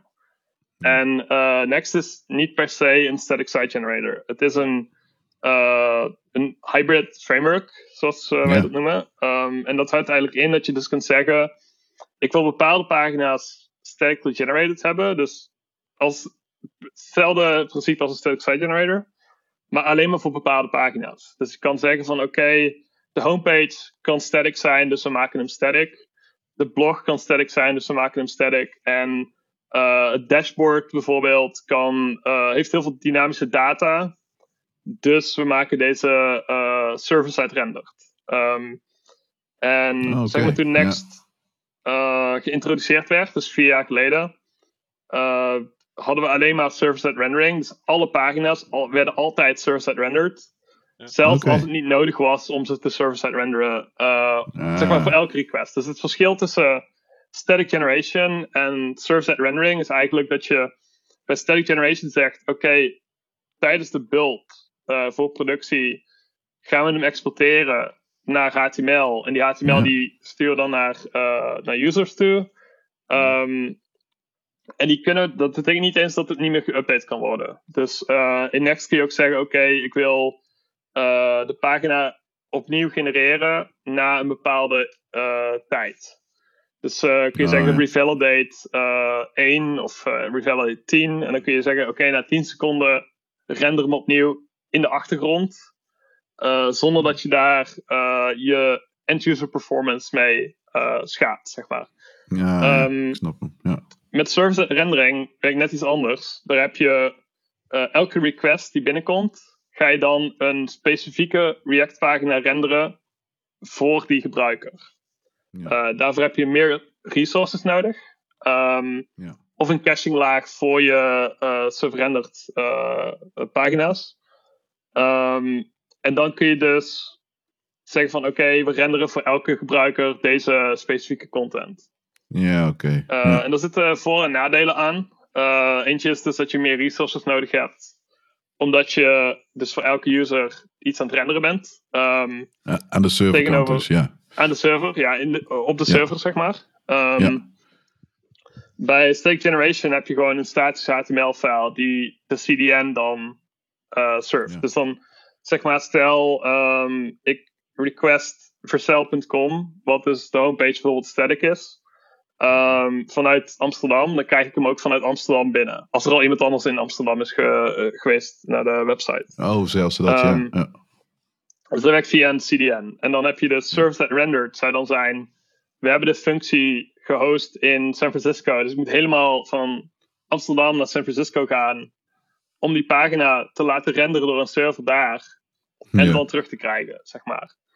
Eh, en dat kun je dan oplossen met ook nog caching voor je eh service that rendered pagina's. Eh, en dat kan Mhm. ook op Vercel bijvoorbeeld. Ehm, en, eh, en dat is eigenlijk de, de twee verschillen. Dus je hebt static generation, service rendering. eh, en dat is dus anders dan alleen maar static generation. Wat dus Ja. zeg maar, oké, ik ga een statische pagina maken. eh, En that's it, zeg maar. Ja, ja, ja. Oké, dus eigenlijk, be- dus Next.js, ja, dan, misschien is dat wel, is een beetje best of both worlds. Is dat goed om te omschrijven? Die, die, hybride situatie, dat, Ja. dat je dus de keuze hebt om, ja, Ja, dus Ja, het is anders dan. Het is geen static site generator. Het is ook geen. eh, wel, het is een soort van static site generator, maar ook een service that rendered framework. Dus eh, het zorgt er eigenlijk voor dat jij als developer de trade-offs kan kiezen die handig zijn voor de pagina die je aan het bouwen bent. ja, ik ik vind dat niet te eh, zeggen van oké, we gaan. eh, zeg maar, we kiezen er nu voor om alles static te doen.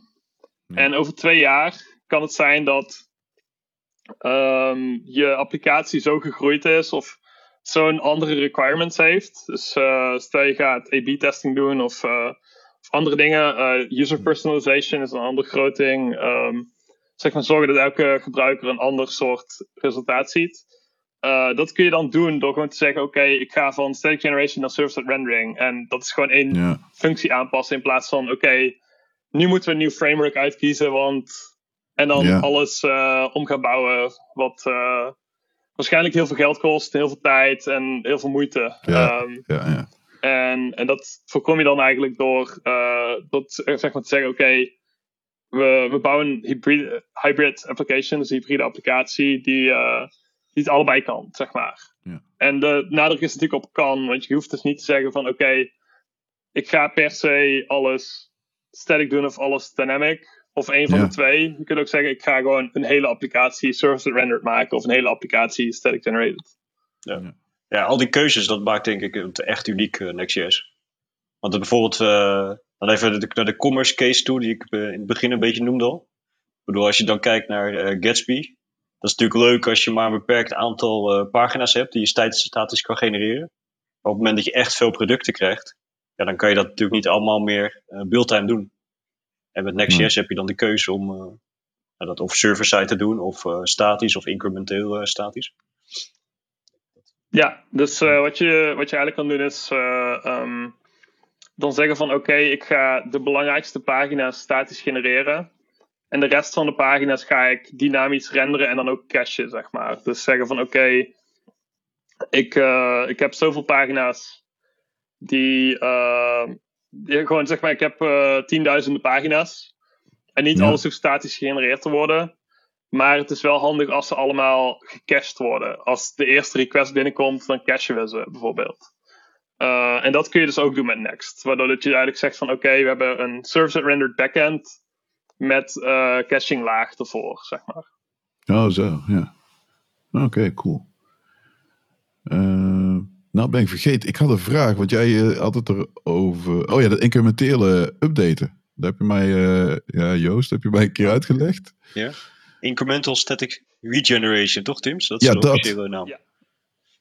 Wat is dat? Dat vinden, ja, ja, dat vinden luisteraars denk ik wel interessant om te horen. Maar hoe, hoe werkt dat? Want dat is, ja... Ja, ja kun je dus dat is uh, ongeveer wat ik uh, net verteld heb. Dus uh, je kunt zeggen... Oké. het is eigenlijk dat stukje. Dus het zeggen van, oké, okay, ik ga een paar pagina's statisch genereren. Of helemaal geen pagina's ja. genereren. Maar ik weet dat deze pagina's gecached kunnen worden.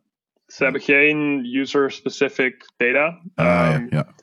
En dat kunnen we garanderen doordat je get static props gebruikt. Uh, wat dus minder toegang heeft tot bijvoorbeeld de request en response krijg je daar niet mee en dat soort dingen. Uh, en daardoor kun je eigenlijk zeggen van oké, okay, uh, deze pagina kan statisch gegenereerd worden mm -hmm. tijdens de request. Dus als jij een request doet oh, naar de ja. pagina, dan wordt die gegenereerd en daarna gecached. Ja. En dan requests die daarna komen, die gaan dan in de achtergrond, dus buiten jouw request om, gaan die ook ja. hergenereren, zeg maar. Uh, en wat het eigenlijk uh, voor zorgt, is dat je eigenlijk een hele simpele API hebt uh, als eindgebruiker, dus als, als de programmeur die een next step aan het bouwen is. Waar je eigenlijk zegt van oké, okay, deze pagina moet elke vijf seconden gehergenereerd worden. Um, mits er requests binnenkomen enzovoort. Ja, um, ja, ja. ja. En dan, uh, dan doet hij dat ook automatisch. Dus dan hoef je daar niet over na te denken van oké, okay, iemand zit. Uh, stel je hebt een, uh, een CMS bijvoorbeeld. Ja. En je hebt mensen die in het CMS aanpassingen maken. Mm-hmm. Dan hoef je niet te zeggen van oké, okay, ik sla het op en dan moet ik oké okay, een next build draaien bijvoorbeeld. Ja, precies. Ja, Wat ja. meestal niet het beste idee is, omdat je dan ja. um, zeg maar ook heel veel caches weggooit van data en, uh, en JavaScript die gegenereerd is en dat soort dingen. Ja, ja, ja. Ja, Ja, oké, okay, dan snap ik hem, ja. Maar dit is wel een, uh, wel een feature die wel erg vast zit aan de CDN waar je op zit. Dus je moet wel die stale uh, revalidate uh, functionaliteit hebben.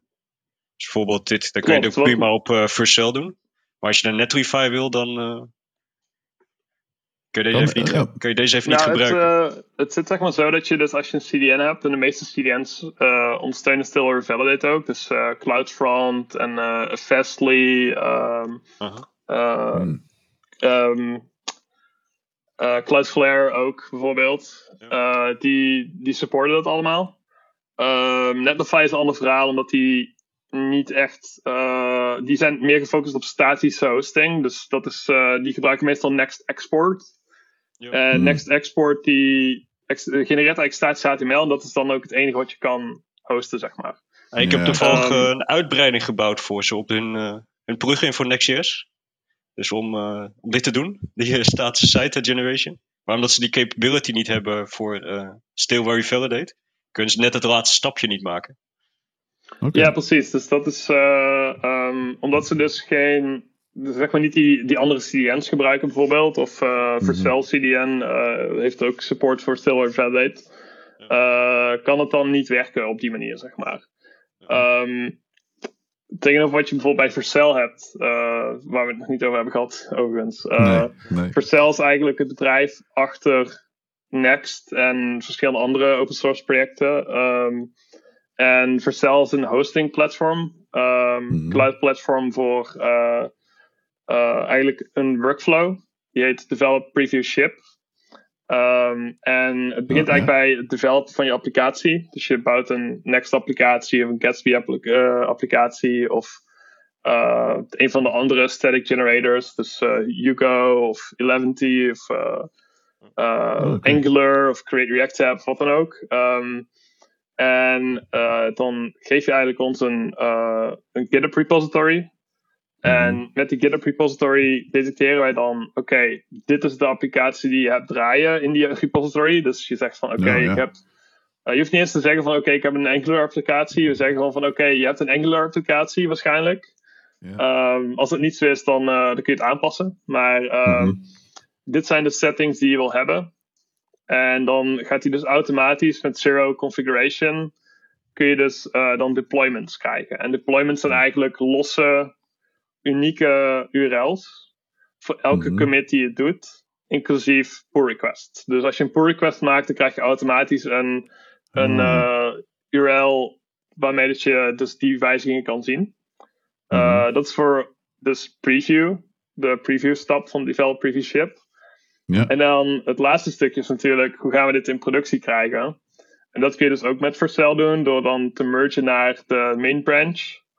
Um, ja. En dan uh, krijg je eigenlijk een productiedeployment. Die, uh, die dan gelinkt wordt aan je domein, zeg maar, dat je al hebt. Uh, dat is eigenlijk de develop preview ship ja. methodologie. Um, en dat werkt heel mooi samen met Next, omdat je dus met Next heel makkelijk wijzigingen kan maken in je, in je applicatie, in je frontend, zeg maar. Um, en dat dan ook meteen kan deployen naar het platform. En dat is dus zeg maar, Vercel platform is dus uh, geïntegreerd met Next. Ja. Uh, dus eigenlijk alle features die je in Next hebt, werken out the box automatisch op het Vercel platform. Omdat we die dus allebei bouwen. Uh, dus we bouwen en het Vercel platform en Next.js. Ja. Want jullie doen volgens mij ook wel iets, iets. Want ik, ja goed, mijn ervaring is alleen voor onze website. Dus ik ben echt geen een enorme ervaringsdeskundige. Ik voel, er zit wel wat magie achter. Maar volgens mij doe je ook, als er, als er een commit is, zeg maar, dan, het is niet dat je alles altijd helemaal beeldt of wel. Of zie ik dat, uh, heb ik dat niet helemaal goed begrepen. Dus dat je daar wel ehm. wat, wat slimmigheid in doet. Ja, we proberen natuurlijk zo slim mogelijk te zijn in uh, hoe dat uh, dingen geoptimaliseerd worden. Eén ding dat we mhm. doen is dat we voor alle frameworks die we ondersteunen automatisch de caching goed zetten. Wat je mhm. normaal bijvoorbeeld als je zelf je CI instelt, dan moet je bijvoorbeeld uitzoeken waar staan de cache folders. Uh, bij Next is dat uh, .next slash cache. Um, en dan moet je die opslaan ergens uh, met die CI config. En dan weer terugzetten. En dan gaat je oh, beeld sneller na de, na de eerste keer. Um, ja.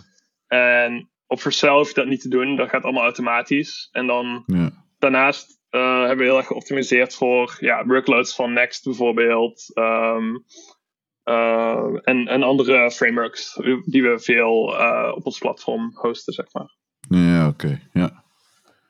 ja, ik vond het wel. ik was positief verrast. Ik dacht, nou cool, dit werkt wel, wel heel erg nice. qua developer experience dus. Ja. Ehm, ja, heb jij nog vragen zeg maar, over Next 10, Joost? Hebt vast wel dingetjes. Ja, Next, Next 10 en Commerce. Daar ben ik wel benieuwd. Ja. Ja, dus ja. Uh, tijdens de, de keynote uh, over uh, Nexus 10, dus Next 10, hebben we eigenlijk nog twee dingen aangekondigd. Eentje is um, internationalized routing. Dat is dus het vertalen van uh, goud. En het, zeg maar, het hele afhandelen van: oké, hoe kan ik mijn applicatie uh, vertalen? Wat heel mhm. belangrijk is in Europa uh, natuurlijk, omdat we heel veel verschillende talen hebben in een relatief kleine. zeg maar, de grenzen zijn heel dichtbij. dus ja, klopt. Heel veel bedrijven, zeker ook in Nederland, die, die gaan heel vaak naar het buitenland toe om toch te groeien, zeg maar. Zeker e-commerce. Uh, En dat brengt ons natuurlijk bij e-commerce. En e-commerce is natuurlijk een hele grote uh, uh, markt op dit moment. waar je eigenlijk, um, wat we eigenlijk zagen was, er zijn heel veel um, bedrijven die e-commerce sites aan het bouwen zijn op Next. En ze willen eigenlijk heel graag een soort startpunt van oké, waar beginnen we als we het gaan bouwen? En daar hebben we samengewerkt met BigCommerce. Uh, dat is een uh, SaaS provider voor, uh, voor e-commerce. Um, en die, daarmee hebben we samen eigenlijk een soort starter kit gemaakt. Mm-hmm. Voor het bouwen van webshops. Dus die automatisch integreert met, met BigCommerce dus. maar straks ook met andere providers. En daar kun je eigenlijk heel makkelijk um, e-commerce sites mee bouwen. Dus uh, je, je hebt de ingebouwde componenten al om productpagina's te maken, om homepages te maken enzovoort. En het fijne met, of het handige met Next is natuurlijk ook dat je nu door die hybrid approach, waar, we het er straks over hadden, um, hoef je niet meer te zeggen van oké, we gaan nu ook het CMS in BigCommerce doen, bijvoorbeeld. Je kunt ook zeggen van oké, we gaan naar een andere CMS provider die helemaal gespecialiseerd is op uh, het bouwen van CMS's en het beheren van content en niet e-commerce uh, producten.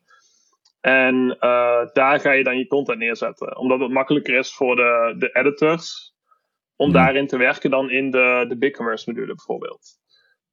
en daarom zien we steeds vaker dat dus bedrijven in die zeg maar headless approach gaan, waarin dat ze zeggen van oké, we gaan een applicatie bouwen die uh, verschillende providers bij elkaar kan brengen. Dus verschillende uh, providers in, zeg maar, we hebben ook een e-commerce provider.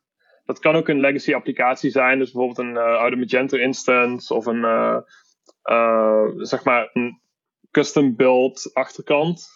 En die mhm. brengen dan samen met die Next.js applica applicatie in één grote applicatie die je dan aan het bouwen bent op basis van Next ja. uh, voor de frontend. Dus de frontend is dan helemaal gebouwd in Next. Maar de achterkant is dan nog steeds of die legacy applicatie of een nieuwe applicatie of uh, een, een, cloud provider zoals een, uh, CMS bijvoorbeeld. Ja, oké. Mag je al iets zeggen over wat andere providers gaan worden voor commerce? Uh, weet ik niet zeker. Kan, je ik, uh, de, de meeste uh, cloud providers die in de e-commerce space zitten, die, die zijn geïnteresseerd in, in dit project. Um, ik weet niet hoeveel ik erover kan zeggen. Um, nee, nee, maar dan moet, je, moet je het vooral niet doen. Nee, nee, nee. Dat moet maar, je niet doen. Um, er zijn wel al feature requests. En, uh, en als je naar uh, github.com slash versell slash commerce gaat, dan kun je ook zien wat de feature requests zijn, de pull requests enzovoort. Ah, ja. Uh, het is helemaal open source, dus, dus daar kun je ook feature requests indienen als je een bepaalde provider zou willen zien. Ja, ja. je hebt zelf iets gebouwd met commerce tools, eigenlijk in de, een beetje dezelfde trend als uh, Next.js, commerce, BigCommerce.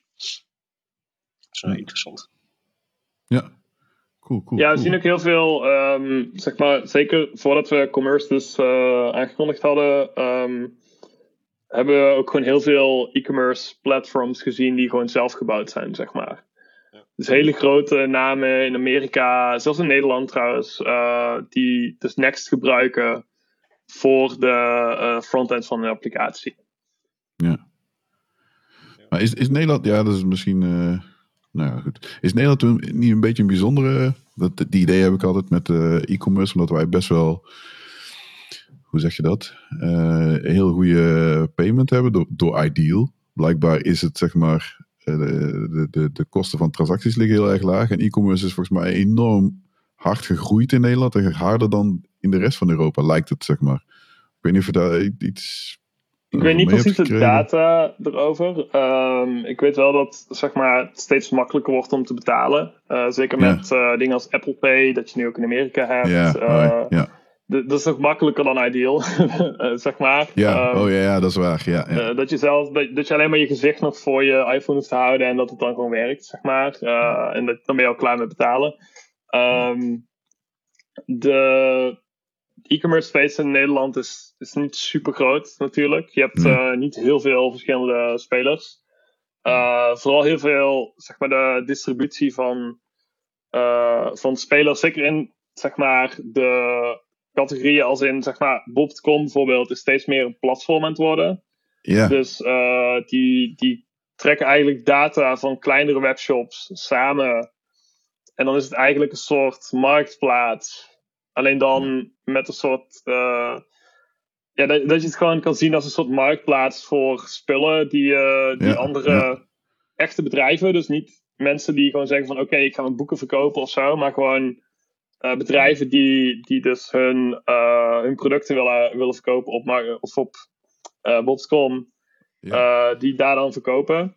Dan heb je natuurlijk andere spelers zoals Coolblue die zeggen van oké, we gaan alles zelf doen. ja we hebben een heel groot magazijn staan, meerdere zelfs. Uh, en ja, ja. daar vandaan wordt alles geleverd. We hebben zelf bezorgers, we hebben er schijnbaar meer dan duizend, heb ik laatst gehoord. Um, ja. En uh, bijvoorbeeld Blokker doet nu ook dat platformding, wat, uh, wat Bob.com ook doet. Uh, waar dat ze dus gewoon data van kleinere webshops samenbrengen. Um, ja. Dus dat zie je steeds meer. Dus kleinere spelers die hebben zelf wel een webshop, maar dan een hele kleine webshop. En dan halen ze heel veel van de omzet ja. uit platformen. Ja. Uh, Bobscom, Blokker enzovoort. Um, en wat je daarnaast ziet is dat je nog steeds heel veel... Uh, er zijn wel veel grote bedrijven die ook gewoon in Nederland zitten... Uh, maar bijvoorbeeld een multinational zijn of wat dan ook, zeg maar. Dus die kunnen bijvoorbeeld ook hun sites laten bouwen in, in Nederland... en dan door heel de wereld verspreiden, bijvoorbeeld. Ja, uh, ja, ook andersom natuurlijk, zeg maar, uh, Amerikaanse bedrijven die naar Nederland komen. Ja, tuurlijk. Ja. Bedrijven uit Londen, uh, Deliveroo bijvoorbeeld, is daar een, een voorbeeld van. het draait ook op Next voor een, web, voor een webplatform. Um, en ja, je ziet zo redelijk veel, zeg maar, e-commerce zien nog steeds heel veel groeien. Heel veel nieuwe websites, heel veel redevelopments, redesigns enzovoort. Um, dus dat is zeker nog een. Uh, ja, een als, als developer is daar zeker werk in te vinden, in de meeste gevallen. Mm -hmm. En daarnaast zijn er natuurlijk ook nog altijd mensen die gewoon websites willen. Web, uh, websites als in uh, de bakker ja. op de hoek met ja. een openingstijden enzovoort. Ja, weet je wel? die worden ook gebouwd op Next in, in sommige gevallen. Um, toevallig had ik laatst. Um, we, we, kunnen dan soms zien dat er nieuwe sites bij zijn gekomen. Uh, door uh, bepaalde webcrawlers die, die weten uh, hoe dat ze bepaalde technologie moeten vinden, zeg maar. Toen kwam ik ook ja. de, de website tegen van een bepaalde, bepaald winkelcentrum dat, waar ik vlakbij woon. die ook op Next was gebouwd, bijvoorbeeld. Oh, grappig, um, ja, ja. Maar we zien het eigenlijk van, van kleine websites, dus zeg maar het winkelcentrum dat, dat vlakbij bij mij ligt, tot aan zeg maar de rest van Nederland, als in volgens mij iWish en Pearl. Um, oh ja. En uh, uh, nog, nog dichterbij, uh, de site die iedereen waarschijnlijk wel kent ondertussen, Corona Dashboard van de Rijksoverheid. Ja, oh, draait ook op Next. is compleet open source. dus die kun je ook vinden Ja. op GitHub, overigens. Um, ben ik niet, heb ik niet, niet aan meegewerkt. Um, draait alleen op, op code die ik geschreven heb ja. via Next. Uh, wat wel grappig Ja. is om te zien dus. Um, ja, je, dus je ziet heel veel verschillende soorten applicaties die gebouwd worden op Next. Um, omdat je dus zo flexibel bent. Je kunt zeggen van oké, ik ga nu de kleinste website bouwen waar niemand op gaat kijken. Mijn eigen website bijvoorbeeld, daar kijkt niemand op.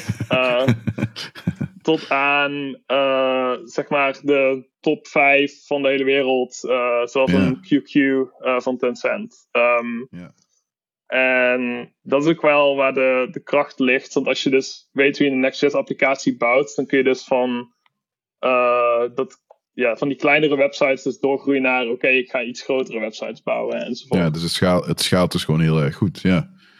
Maar dat is ook op zich wel knap. Ik bedoel, kijk, als je binnen vier jaar, dat is het eigenlijk, dat je dan toch bij de top vijf terechtkomt, ja, dat, dan, ja, dan gaat er iets goed, zeg maar. Lijkt mij. Uh, dus dat is wel, uh, ja, wel, wel mooi om te zien. Wow, man. God, ik moet zeg maar zelf gaan zoeken of ik nog vragen heb die, ik, die niet langs zijn gekomen. Uh, ja, ja, ja, ja. Ik heb, heb jij iets? Ja, ik heb, ja, ik had nog onderaan gezet. TypeScript of, TypeScript of JavaScript. uh, Next.js Core, um, we hebben een hele tijd over gedaan om dat om te zetten naar TypeScript. Um, en dat hebben we incrementeel gedaan. Dus uh, incremental adoption is zeg maar een ding waar ik best wel uh, gepassioneerd over ben. Um, mm -hmm daarom zijn ook heel veel features van Next. Niet zo van, oké, je moet het nu gaan gebruiken. Het is meer van, hier is het. En ga het gebruiken. En uiteindelijk kan het zijn dat we het deprecaten, maar de kans is niet heel groot. Um, ja. Van oudere features dan, zeg maar. We vervangen dan features. Bijvoorbeeld get initial props. Uh, heb je nu get server side props, get static props. Ja. Um, en de reden dat we dat doen is dat we die upgradability willen houden. Um, en TypeScript is een heel goed voorbeeld daarvan. Je kunt zeggen, uh, ik ga TypeScript gebruiken. En dat mhm. betekent niet dat je heel je applicatie ineens moet ombouwen in TypeScript. Er zijn mensen die dat doen. Kan in sommige gevallen, in veel gevallen ook niet.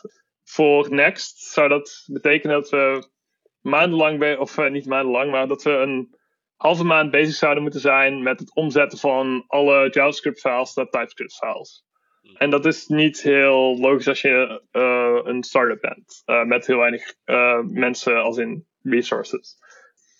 Dus wat we deden was, we hadden het eigenlijk zo gedaan dat we gewoon met één bestand begonnen zijn. En één voor één, elke keer als we aan een bestand werkten, zetten het om naar TypeScript. Um, en die, zo, ja. zeg maar, op die manier ben je dus niet resources aan het weggooien. Mm -hmm. Doordat je gewoon elke keer net iets anders uh, zeg maar omzet. Um, dus elke keer als je een pull request maakt, verander die in file TypeScript. Uh, contributors hoefden dat natuurlijk niet te doen. Um, maar wij, dus intern, deden dat wel. En daardoor is het, heeft het iets langer geduurd. Maar uh, hebben er zelf geen last van gehad in zeg maar, hoeveel features we aan het bouwen zijn enzovoort. Uh, of waren in dat geval. Uh, nu is alles TypeScript. Dus 100%, uh, ja, 99% TypeScript. Um, yeah. Als je naar de repository statistics kijkt, die kloppen niet helemaal, omdat examples in JavaScript zijn. oh, yeah. By design. maar de, de core zelf is in, in TypeScript. Dus, en dat heeft ook heel veel, zeg maar, het interessante met TypeScript is dat je in een bepaalde manier omdat je types hebt, moet je nadenken over hoe dat bepaalde function calls gaan. Uh, en bepaalde flows in de applicatie, die kun je niet maken met TypeScript per se. Het hmm. kan wel door Any te gebruiken en andere dingen te doen. Yeah. Uh, maar het is niet zo handig als het kan zijn. Dus daardoor word je heel erg uh, gedwongen om iets meer functional programming te doen. Mm. wat geen slecht ding is, zeker niet in een framework zoals Next. Um, en daardoor kun je dus ook bijvoorbeeld bugs vinden of sneller refactoren. Omdat je dan zegt van oké, ik wil een referentie veranderen in elk uh, bestand dat deze, uh, de, deze functie aanroept bijvoorbeeld. Ja. Um, maar ook bijvoorbeeld als je iets wil refactoren en je wou uh, die argumenten aanpassen. Stel dat je een argument weghaalt ergens of een object een key weghaalt dan zou de rest van de applicatie gaan. Uh, dan krijg je warnings van de rest van de applicatie van oké, die property bestaat niet meer en je bent hem hier aan het gebruiken. Of die property bestaat niet meer, maar je zet hem hier. Dus het is niet eens het gebruiken stuk, het is ook het zetten van die property op dat moment. Uh, en daardoor kun je dus efficiënter werken, omdat je dus als je dingen wil refactoren sneller klaar bent, zeg maar. Ja. En als je, als je nu een front-end applicatie zou maken, Tim, zou je dan uh, ook altijd TypeScript kiezen? Of zeg je dan nou, dus, uh, JavaScript misschien ook wel een goede optie? Wat je ook zei over die examples, die zijn nu bij design in uh, JavaScript. Ja, het ligt eraan. Um, als je helemaal van scratch af aan begint, zou ik TypeScript wel gebruiken, omdat je het ook ehm, kan, uh, zeg maar de, de type checks kun je ook ignoren in bepaalde stukken. Um, waardoor je kunt zeggen van oké, dit stukje is niet super belangrijk voor nu in ieder geval. Uh, laten we het later fixen. Doen wij ook in de Next.js codebase. Dat is niet iets wat je, waarvan je moet denken van oké, ik ik, ik laat alles vallen. We gaan nu alleen maar types uh, fixen, zeg maar. Dat soort dingen. Ja. Um, want uiteindelijk, die types zijn er niet om die checks altijd goed te laten gaan, bijvoorbeeld. Die types zijn er om jou te helpen beter te programmeren of uh, ja. sneller te refactoren en dat soort dingen. Um, ja.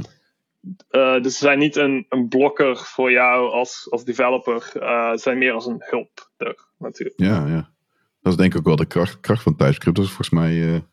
oh man, ik moet, al, ik moet me schamen dat ik niet even zo de maker want ik, wij tenminste, ik develop nu normaal gesproken in .NET. En hij heeft ook C-Sharp zeg maar, gemaakt en toen TypeScript.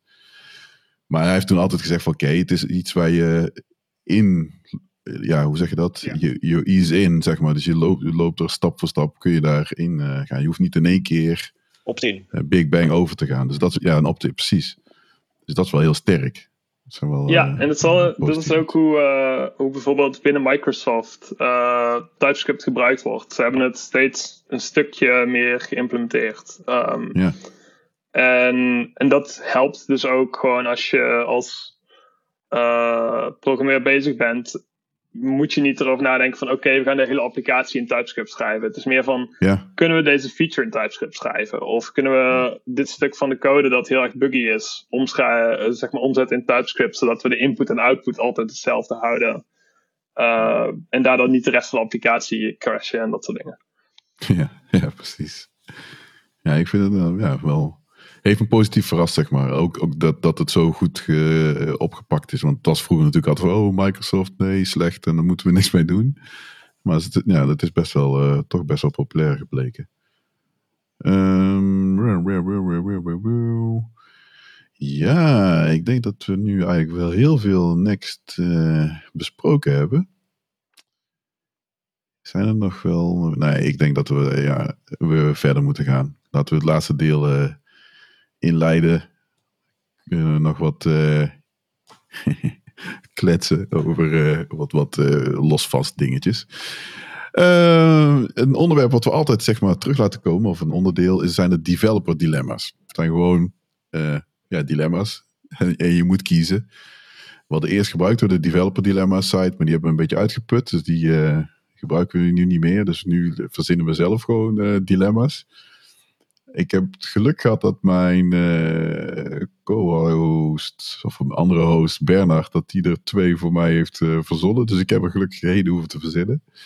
Dus laten we gewoon beginnen. Um, uh, de eerste is, je moet een feestdag afschaffen.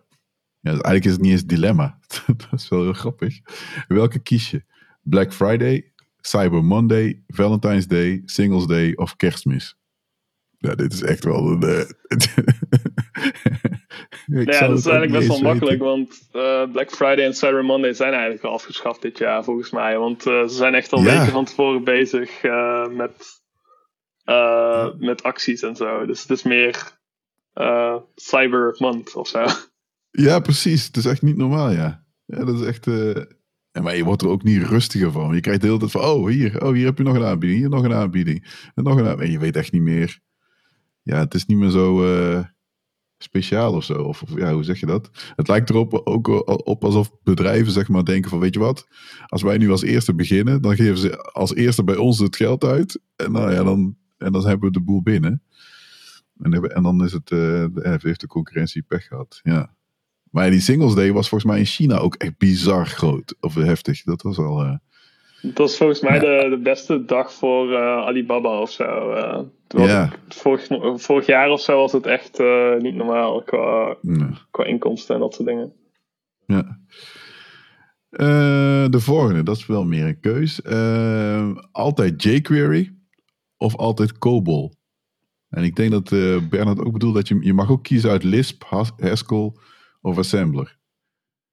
Um, jQuery. Maar dat is meer omdat ik we hebben uh, bij het bedrijf waar ik uh, gewerkt heb, uh, hadden we een COBOL-applicatie. die is nog oh, steeds maintainde. Na 30 jaar. Ja. Voor ik ga de naam niet noemen. Uh, nee, precies. Dat zou ik dat kunnen doen. Um, ja. Maar uh, voor een hele, hele groot uh, bekende naam in Nederland. dus als ik die naam niet zou noemen, dan zou je weten welk bedrijf dat is. ja, precies. je bent er waarschijnlijk als je kinderen hebt ooit geweest. Maar dat is eigenlijk het enige wat ik kan hinten. Oké. Um, ja, wat ja, dat is wel hilarisch. Ze hadden dus een, een COBOL-applicatie in productie draaien voor meer dan 30 jaar. Uh, en nog steeds maintain. Dus er was nog steeds iemand die die applicatie geschreven had, die was nog steeds daarmee bezig. Um, En misschien nog steeds nu zelfs, want uh, ik heb het niet meer bijgehouden en zo. Uh, ja, maar ja. ja. Het is ook wel iets moois. Altijd... Ik vind het ook wel mooi hebben, iets moois hebben. Ja, dat het nog steeds. Dat ja, het is wel gaaf dat, dat je een systeem bouwt dat zo um, stabiel is, eigenlijk. Dat is eigenlijk wat het is dan. Uh, Dat je het gewoon 30 jaar lang kan laten draaien zonder dat je een nieuw framework uh, nodig hebt om alles te herbouwen, zeg maar.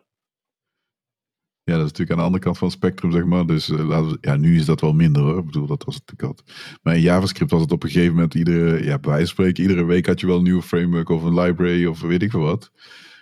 Ja, dat is natuurlijk wel compleet anders hoe het met COBOL is. Ik bedoel, COBOL staat in principe gewoon stil. Uh, ja, dat zijn volgens mij wel wat dingetjes. Ook, uh, XML, internet. Ja. ja, het is ook als je. Ik, ik was vorig jaar bij de Computer History Museum geweest in Mountain mhm. View. En daar hadden ze een soort plaat hangen aan de muur. Met alle programmeertalen en wanneer dat ze bedacht zijn, zeg maar. En mm publiek gemaakt zijn enzovoort. En uh, COBOL was daar ook echt een van de eerste uh, programmeertalen die, daar, die daarbij stond, zeg maar. Dus dat was wel grappig om te zien. Ja, ja. Ja, dat is wel... Uh... Ja, dat wordt nog steeds, volgens mij is de vraag naar COBOL-ontwikkelaars, dat was op een gegeven moment, ik weet niet of het nu nog steeds is, maar dat, die was in één keer zo hoog, omdat heel veel mensen met pensioen gingen. En je werd gewoon heel goed betaald, zeg maar, als je dat kon. Dus dat, ja, er is nog wel wat in te verdienen. Uh, volgens mij de volgende vraag die daar staat, die uh, heb jij uh, ja, ik heb, de, vrijheid genomen om daar iets toe te voegen samen. Ja. ja, het is niet echt een dilemma, toch of wel? Ja, voor sommige mensen wel. Ja, nou. Tailwind of SCSS? Uh, Tailwind. uh, en, en dat zeg ik niet omdat ik uh, goede vrienden ben met Adam, de creator van Tailwind. Maar mm um, het hele idee van Tailwind is om CSS schaalbaar te maken. Schaalbaar mhm. als in scalable. en dat heb ik zo goed zien werken in, in grote applicaties uh, de afgelopen tijd uh, met Tailwind. Um, Dat ik wel overtuigd ben dat, dat het een goede keuze is voor uh, um, ja, zeg maar applicaties die, die je bouwt in, in je dagelijks leven, zeg maar. Ja. Dus e-commerce enzovoort. Zeg maar dingen waar je components bouwt die hergebruikt gaan worden. Wat dus in de meeste gevallen vrijwel elke applicatie is die je bouwt. uh, Of hergebruikt gaan worden binnen uh, andere applicaties. Dus uh, mm-hmm. een probleem dat je bijvoorbeeld, wat ik bij agencies heb gezien, is dat ze voor elke klant een nieuw component system bouwden, bijvoorbeeld. Mm. Uh, en dat was puur op design basis. Dus compleet ander design, want de klant wil niet dat het eruit ziet als elke andere e-commerce site. Yeah. Right? Um, maar het mooie met Tailwind is dat je door het aanpassen van een paar parameters eigenlijk kan zeggen van oké, de spacing is nu anders, de kleuren zijn anders, dus het thema eigenlijk, uh, de font size zijn anders. Uh, en daardoor ziet een component er niet hetzelfde uit tussen twee websites, ook al zijn het exact dezelfde components. Ja. En daarnaast kun je dan ook nog met classes natuurlijk een paar dingen aanpassen enzovoort. Um, maar dat is wel interessant om te zien, in ieder geval. Ja, dat is wel. Uh, het, is ook best wel hard. Het is, hoe oud is Tailwind? Want ik heb, ja, ik heb er wel mee. Ik, Anderhalf jaar. Ik, vind het ook heel fijn. Anderhalf jaar, jaar volgens mij. Uh, dat, dat, het echt, zeg maar, in, in 2019 hoorde je er net iets van. een jaar geleden heb ik een talk gezien van, van iemand die bij Algolia werkt. Die mhm. bij Dot.js. Ik kan haar naam even niet herinneren. Um, ja. Maar als je dat opzoekt, er is een talk over utility-based CSS. Um, yeah. Wat Tailwind dus eigenlijk implementeert en ook standaard geeft eigenlijk aan dat. want het moeilijkste in CSS is eigenlijk het, het namen geven van dingen en het yeah. stylen van dingen. En dan, yeah. dat klinkt natuurlijk heel cliché-achtig, maar het is natuurlijk het bepalen van welke classes, welke styling hebben en hoe dat die samenwerken om een component te maken. En uiteindelijk wat je aan doen bent als um, developer of front-end developer in, uh, in 2020 en 2021 is vooral components maken. Ja. Je maakt, zeg maar, de kans dat jij uh, zeg maar puur en alleen maar HTML aan het genereren bent, in een bepaalde vorm. Maar dat is zelfs, zelfs HTML in de meeste gevallen zijn een soort van components op pagina's. Uh, maar de meeste mensen die gebruiken frameworks zoals React, Angular, Vue, Svelte. Uh, en die hebben een component uh, model in het framework gebouwd. Waardoor dat je echt componenten aan het bouwen bent. Dus buttons enzovoort. Ehm, en, de, en componenten die zijn dan weer ook, ook weer opgemaakt uit andere componenten. Waardoor dat je dus ja. gewoon een systeem moet hebben dat je dat eigenlijk kan schalen met die, al die uh, verschillende componenten. Zonder dat je voor elke component dus een klas aan het schrijven bent. Ja. Want het goede, of uh, eigenlijk het ding wat mij het meest aansprak in Tailwind was niet het. Oké, nu hoef ik geen CSS meer te schrijven, want je bent nog steeds CSS classes aan het toevoegen. Um, het was meer het performance stukje waarin dat je begint met een bundel van 70 kb. Maar uiteindelijk, als, ik, als je naar mijn website toe gaat bijvoorbeeld, dan ben je maar 3 kb en CSS aan het downloaden. Ja, ja, um, En dat kan ik, als ik het handmatig schrijf, niet beter doen. Ja, dat kan ik wel voor, mijn, voor mijn eigen website. Maar uh, als je naar een, uh, een grote website uh, van uh, van een bekend Nederlands merk gaat bijvoorbeeld, dan is dat nooit een site die jij handmatig hebt kunnen optimaliseren in, in CSS-basis, zeg maar. En dat kun je dus met Tailwind door Purge CSS, dat ze gebruiken, heel goed te doen, zeg maar. Hm. Ja, ja, cool. Ja, dat uh, waren de dilemma's. Hebben we er drie gehad. Tips. Ik weet niet of je. Nou goed, we behandelen tips ja, dat, kan van alles zijn. De, tools, conferenties, boeken, best practices, alles mag. Ja, ik zal aftrappen, maar ik, ik heb er maar één. Uh, dat is een luistertip. Ik heb een podcast, zeg maar. Ik tip vaker Changelog, de Changelog podcast. En dit keer ging het over de toekomst van de Mac.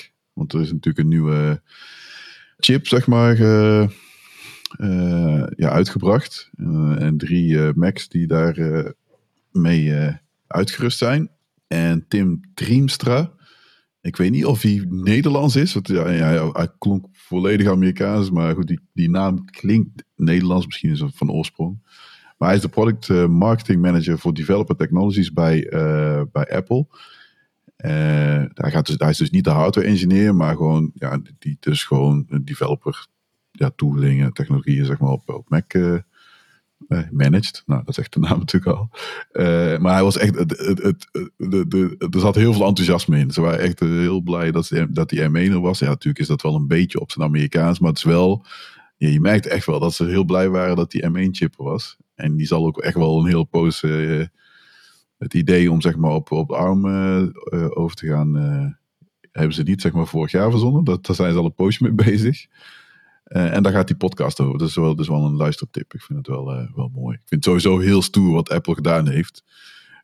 Als je mij drie jaar geleden had gezegd van, dat er een, een ARM-chip in een desktop gaat komen die echt gewoon op sommige punten gewoon echt een stuk sneller is dan een Intel-chip, CPU. Ja, dan had ik je wel een beetje voor gek verklaard. We zagen het dan wel aankomen, maar het was wel, ja, ik vind, ik vind het wel stoer. ik vind het wel, eh, wel interessant hoe dat, eh, hoe dat zich verder gaat ontwikkelen. Zeker ook voor developers ja, kan het wel relevant zijn. Maar dat was mijn tip.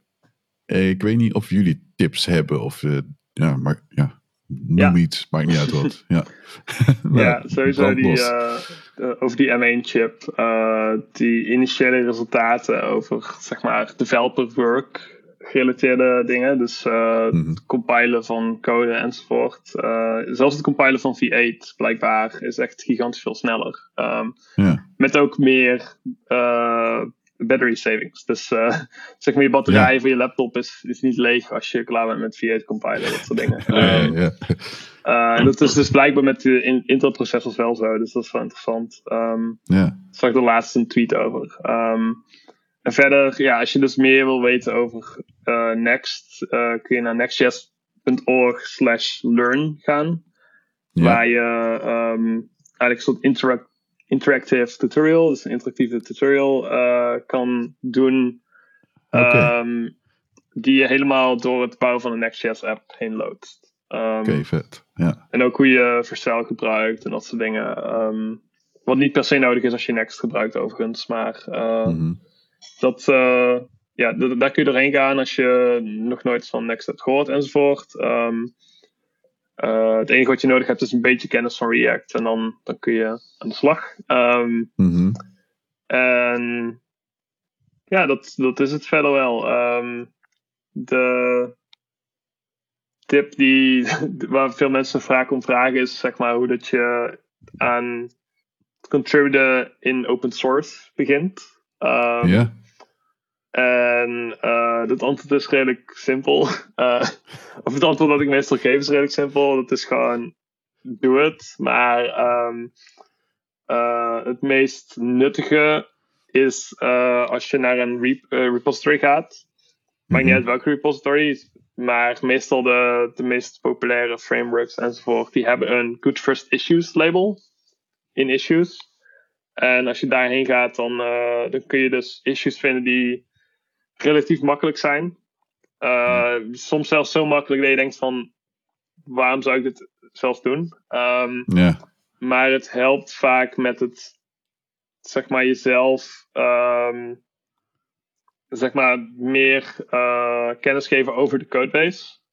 Voordat je echt aan het contributen van features of bugfixes of wat dan ook begint. Stel, uh, docs changes, uh, A moet in, naar B veranderd worden of wat dan ook. Uh, simpele dingen zoals dat. is ook hoe ik ben begonnen met het contributen aan Next bijvoorbeeld. was gewoon documentatie toevoegen. Um, een beetje bugfixen. bugs die zeker heel erg, relatief gezien heel erg simpel zijn. die mhm. als, als je JavaScript kennis hebt, gewoon zou kunnen doen ik deed het ook zonder dat ik al veel JavaScript kennis had. Ehm, mhm. En het helpt op lange termijn in, uh, op meerdere manieren. Um, mij heeft het natuurlijk in een, op een manier geholpen die, die niet heel normaal is. Uh, in zoverre dat ik dus, doordat ik heel veel contribute heb aan Next, uh, uiteindelijk een baan heb gekregen om aan Next te werken fulltime. Wat je natuurlijk niet kunt verwachten voor, voor iedereen. Um, nee. maar het heeft me vooral heel erg geholpen met het zeg maar, doorgroeien naar: oké, ik heb heel veel meer kennis over JavaScript, Node.js. Um, ja. um, contributen bij een uh, open source project. Uh, staat altijd goed op je cv ook, overigens. Ja. Vrijwel iedereen die ik gesproken heb, die mensen zoekt, uh, of developers zoekt, die uh, bijvoorbeeld aan Next.js projecten uh, kunnen werken, mm vragen meestal om, oké, okay, hebben ze ook een GitHub of wat dan ook, uh, zodat we daar al een keer naar kunnen kijken enzovoort. Ja. dat er dan grotere projecten op staan, of, of niet eens grote projecten zijn, maar gewoon projecten die, die je vaker hebt gezien of die in het ecosystem bestaan enzovoort, dan is dat meestal een, plus tegenover andere mensen die ook solliciteren voor eenzelfde soort baan. Ja. Ja, dat geloof ik wel. Ja. Um, oh, ik had zo'n vraag, chips. Die wil ik eigenlijk steeds wel stellen. Uh, maar goed, uh, Joost, heb jij nog tips toevallig? Nou ja, dat is bijna niet, meer, tegelijkertijd dat is bijna niet meer nodig naar Tim's betoog net over Tailwind. dus, zou iedereen aanraden Tailwind een keer uit te proberen. Ja, dat is wel waar. Ja, ik ben ook echt positief verrast door Tailwind. Ik had in eerste instantie zoiets van, oké, okay, nou, laat maar even zien. En toen dacht ik van, oh, oké. Ja, gaat makkelijk, zeg maar. En nou, it makes sense, zeg maar. Nou, vond ik wel, wel interessant. Nou, kom op, kom op. Ik wil die vraag. Jongen, jongen. Ja, ik had nog... Er is natuurlijk best wel een... ja, hoe noem je dat? Een kapitaalinjectie geweest voor development van Next.js. maar de druk, ontstaat er een druk? Verandert er dan iets? Zeg maar. Ik bedoel, ja, niet, je hoeft daar niet te zeggen van, oh ja, dan gaat af en toe gaan, wat zijn er wat, wat, wat uh, issues. Maar, maar ik kan me voorstellen dat er wat dynamiek verandert, zeg maar. Uh, um, maakt, het, maakt het alles, is alles makkelijker of is het alles, ja?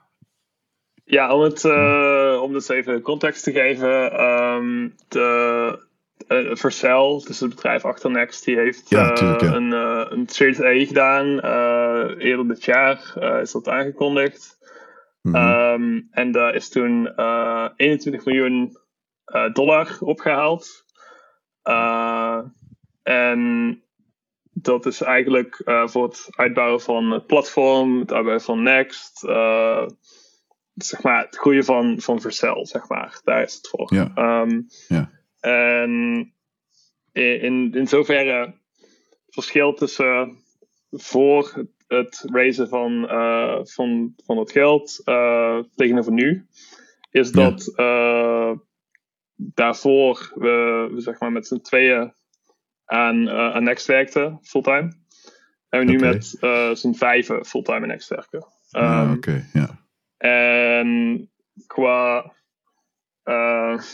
projectleiding enzovoort, heb ik nog steeds de leiding over het project. Dus er is relatief mhm. gezien daar niks veranderd. Uh, ik, ik, kan nog steeds zelf de prioriteiten stellen over: oké, dit is wat we gaan bouwen. Ja. Dit is wat, uh, um, wat eraan komt in Next, zeg maar. Enzovoort. Ja. ik heb natuurlijk verantwoording die ik af moet leggen aan, aan Guillermo en, en andere ja, uh, e-staff binnen, binnen Vercel. Um, mm-hmm. En um, eigenlijk het hele, het hele ding natuurlijk, als je naar Vercel kijkt, uh, wij zijn erbij gebaat dat Next.js groeit. Ja. Niet alleen uh, op Vercel, maar ook in open source. Um, ja, oké. Hoe groter de community is, hoe beter het is voor, voor iedereen eigenlijk. Ja. Dus voor de community zelf, want er zijn meer mensen, dus er zijn meer uh, banen. Dus je kunt ook eerder als een Next.js developer aan de slag. Ja. Um, er is meer interest van andere bedrijven om te contributen aan Next. Dat zagen we mhm. vorig jaar, zelfs voor de uh, Series A announcement, uh, kwam Google, Google Chrome, uh, een specifiek team. dat, dat stuurde ons bericht van: hey, we zijn bezig met het met een soort nieuw initiatief binnen Google Chrome. Mhm. Om samen te werken met frameworks. En uh, we zien dat Next een van de frameworks is waar we het grootste impact kunnen hebben op de, uh, het web zelf, zeg maar. Als in uh, dat frameworks gebruikt. Um, wat houdt dat nu in?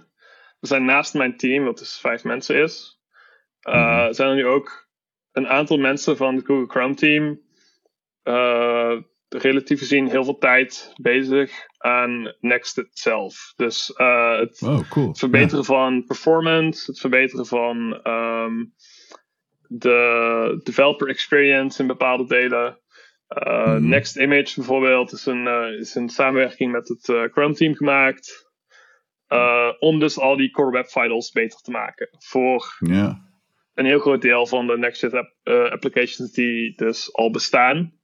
Maar ook alle mhm. nieuwe applicaties die gebouwd worden. Uh, en in die samenwerking, die, die is nu on, ongeveer anderhalf jaar uh, bezig, hebben we dus ook heel veel um, zeg maar nieuwe features en nieuwe optimalisaties gemaakt. Mhm. en dan, dan denk je misschien van ja, oké, leuk dat jullie dat allemaal met Next aan doen zijn, maar wat heeft dat van nut voor mij als ik Create React heb gebruikt of WebEx zelf, ik heb zelf iets gebouwd enzovoort. maar een hele hoop van deze wijzigingen die kunnen dus eerst gevalideerd worden tegen echte applicaties. Next.js applicaties in productie die miljoenen gebruikers hebben. Ehm, en daar kunnen we zien van oké, het werkt wat we hebben uh, uitgevoerd en het heeft een heel goed effect. Uh, Een voorbeeld ervan is uh, een nieuwe bundle splitting algoritme dat we hebben gemaakt samen met team. Mhm. En ja. wat je daar eigenlijk ziet is, um, dat nieuwe algoritme wat we hebben gemaakt voor bundle is nu een default in Webpack 5. Dus iedereen die Webpack 5 gebruikt, die heeft automatisch ah, die uh, optimalisatie. Zelfs als je geen Next gebruikt. Uh, als je Next gebruikt, zit die er al in. Als je gewoon Next installeert. Uh, alle nieuwe versies hebben, de, hebben die optimalisatie al. En zo zijn we nog een hele hoop optimalisaties aan het maken die ook overgenomen worden in andere frameworks.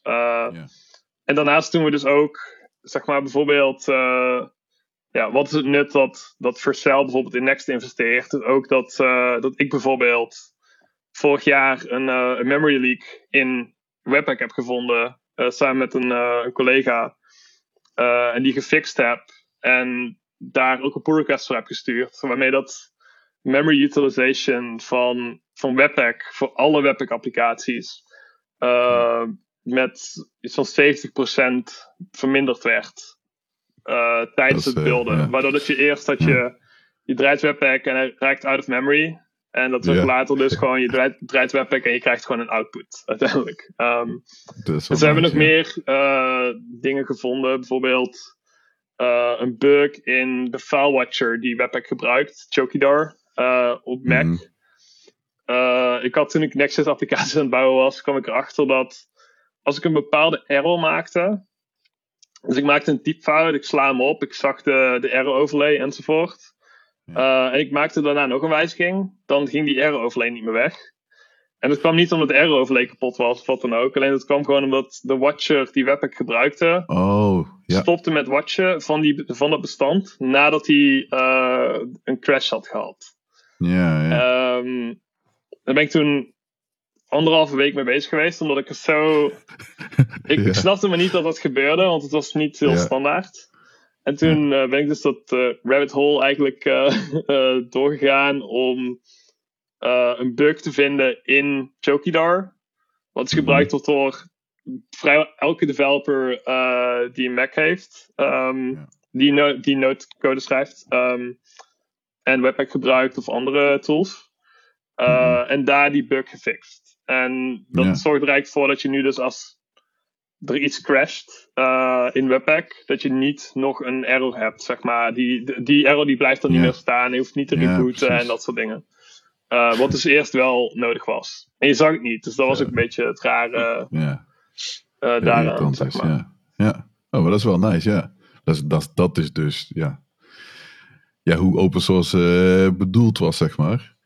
Uh, volgens mij hebben wij het wel eens hier in de podcast wel eens over gehad van ja, misschien moeten bedrijven er eens over nadenken om dan, weet ik veel, 5% van de tijd dan ja, niet geforceerd, maar dan wat, te spenderen, terug te geven aan open source. Uh, dat, dat, dat, ja, zeker bij bepaalde agencies. Ja, goed, je zei dat eerder wel van ja, je wilt bouwen aan je code, maar soms wil je ook iets terug kunnen geven, denk ik.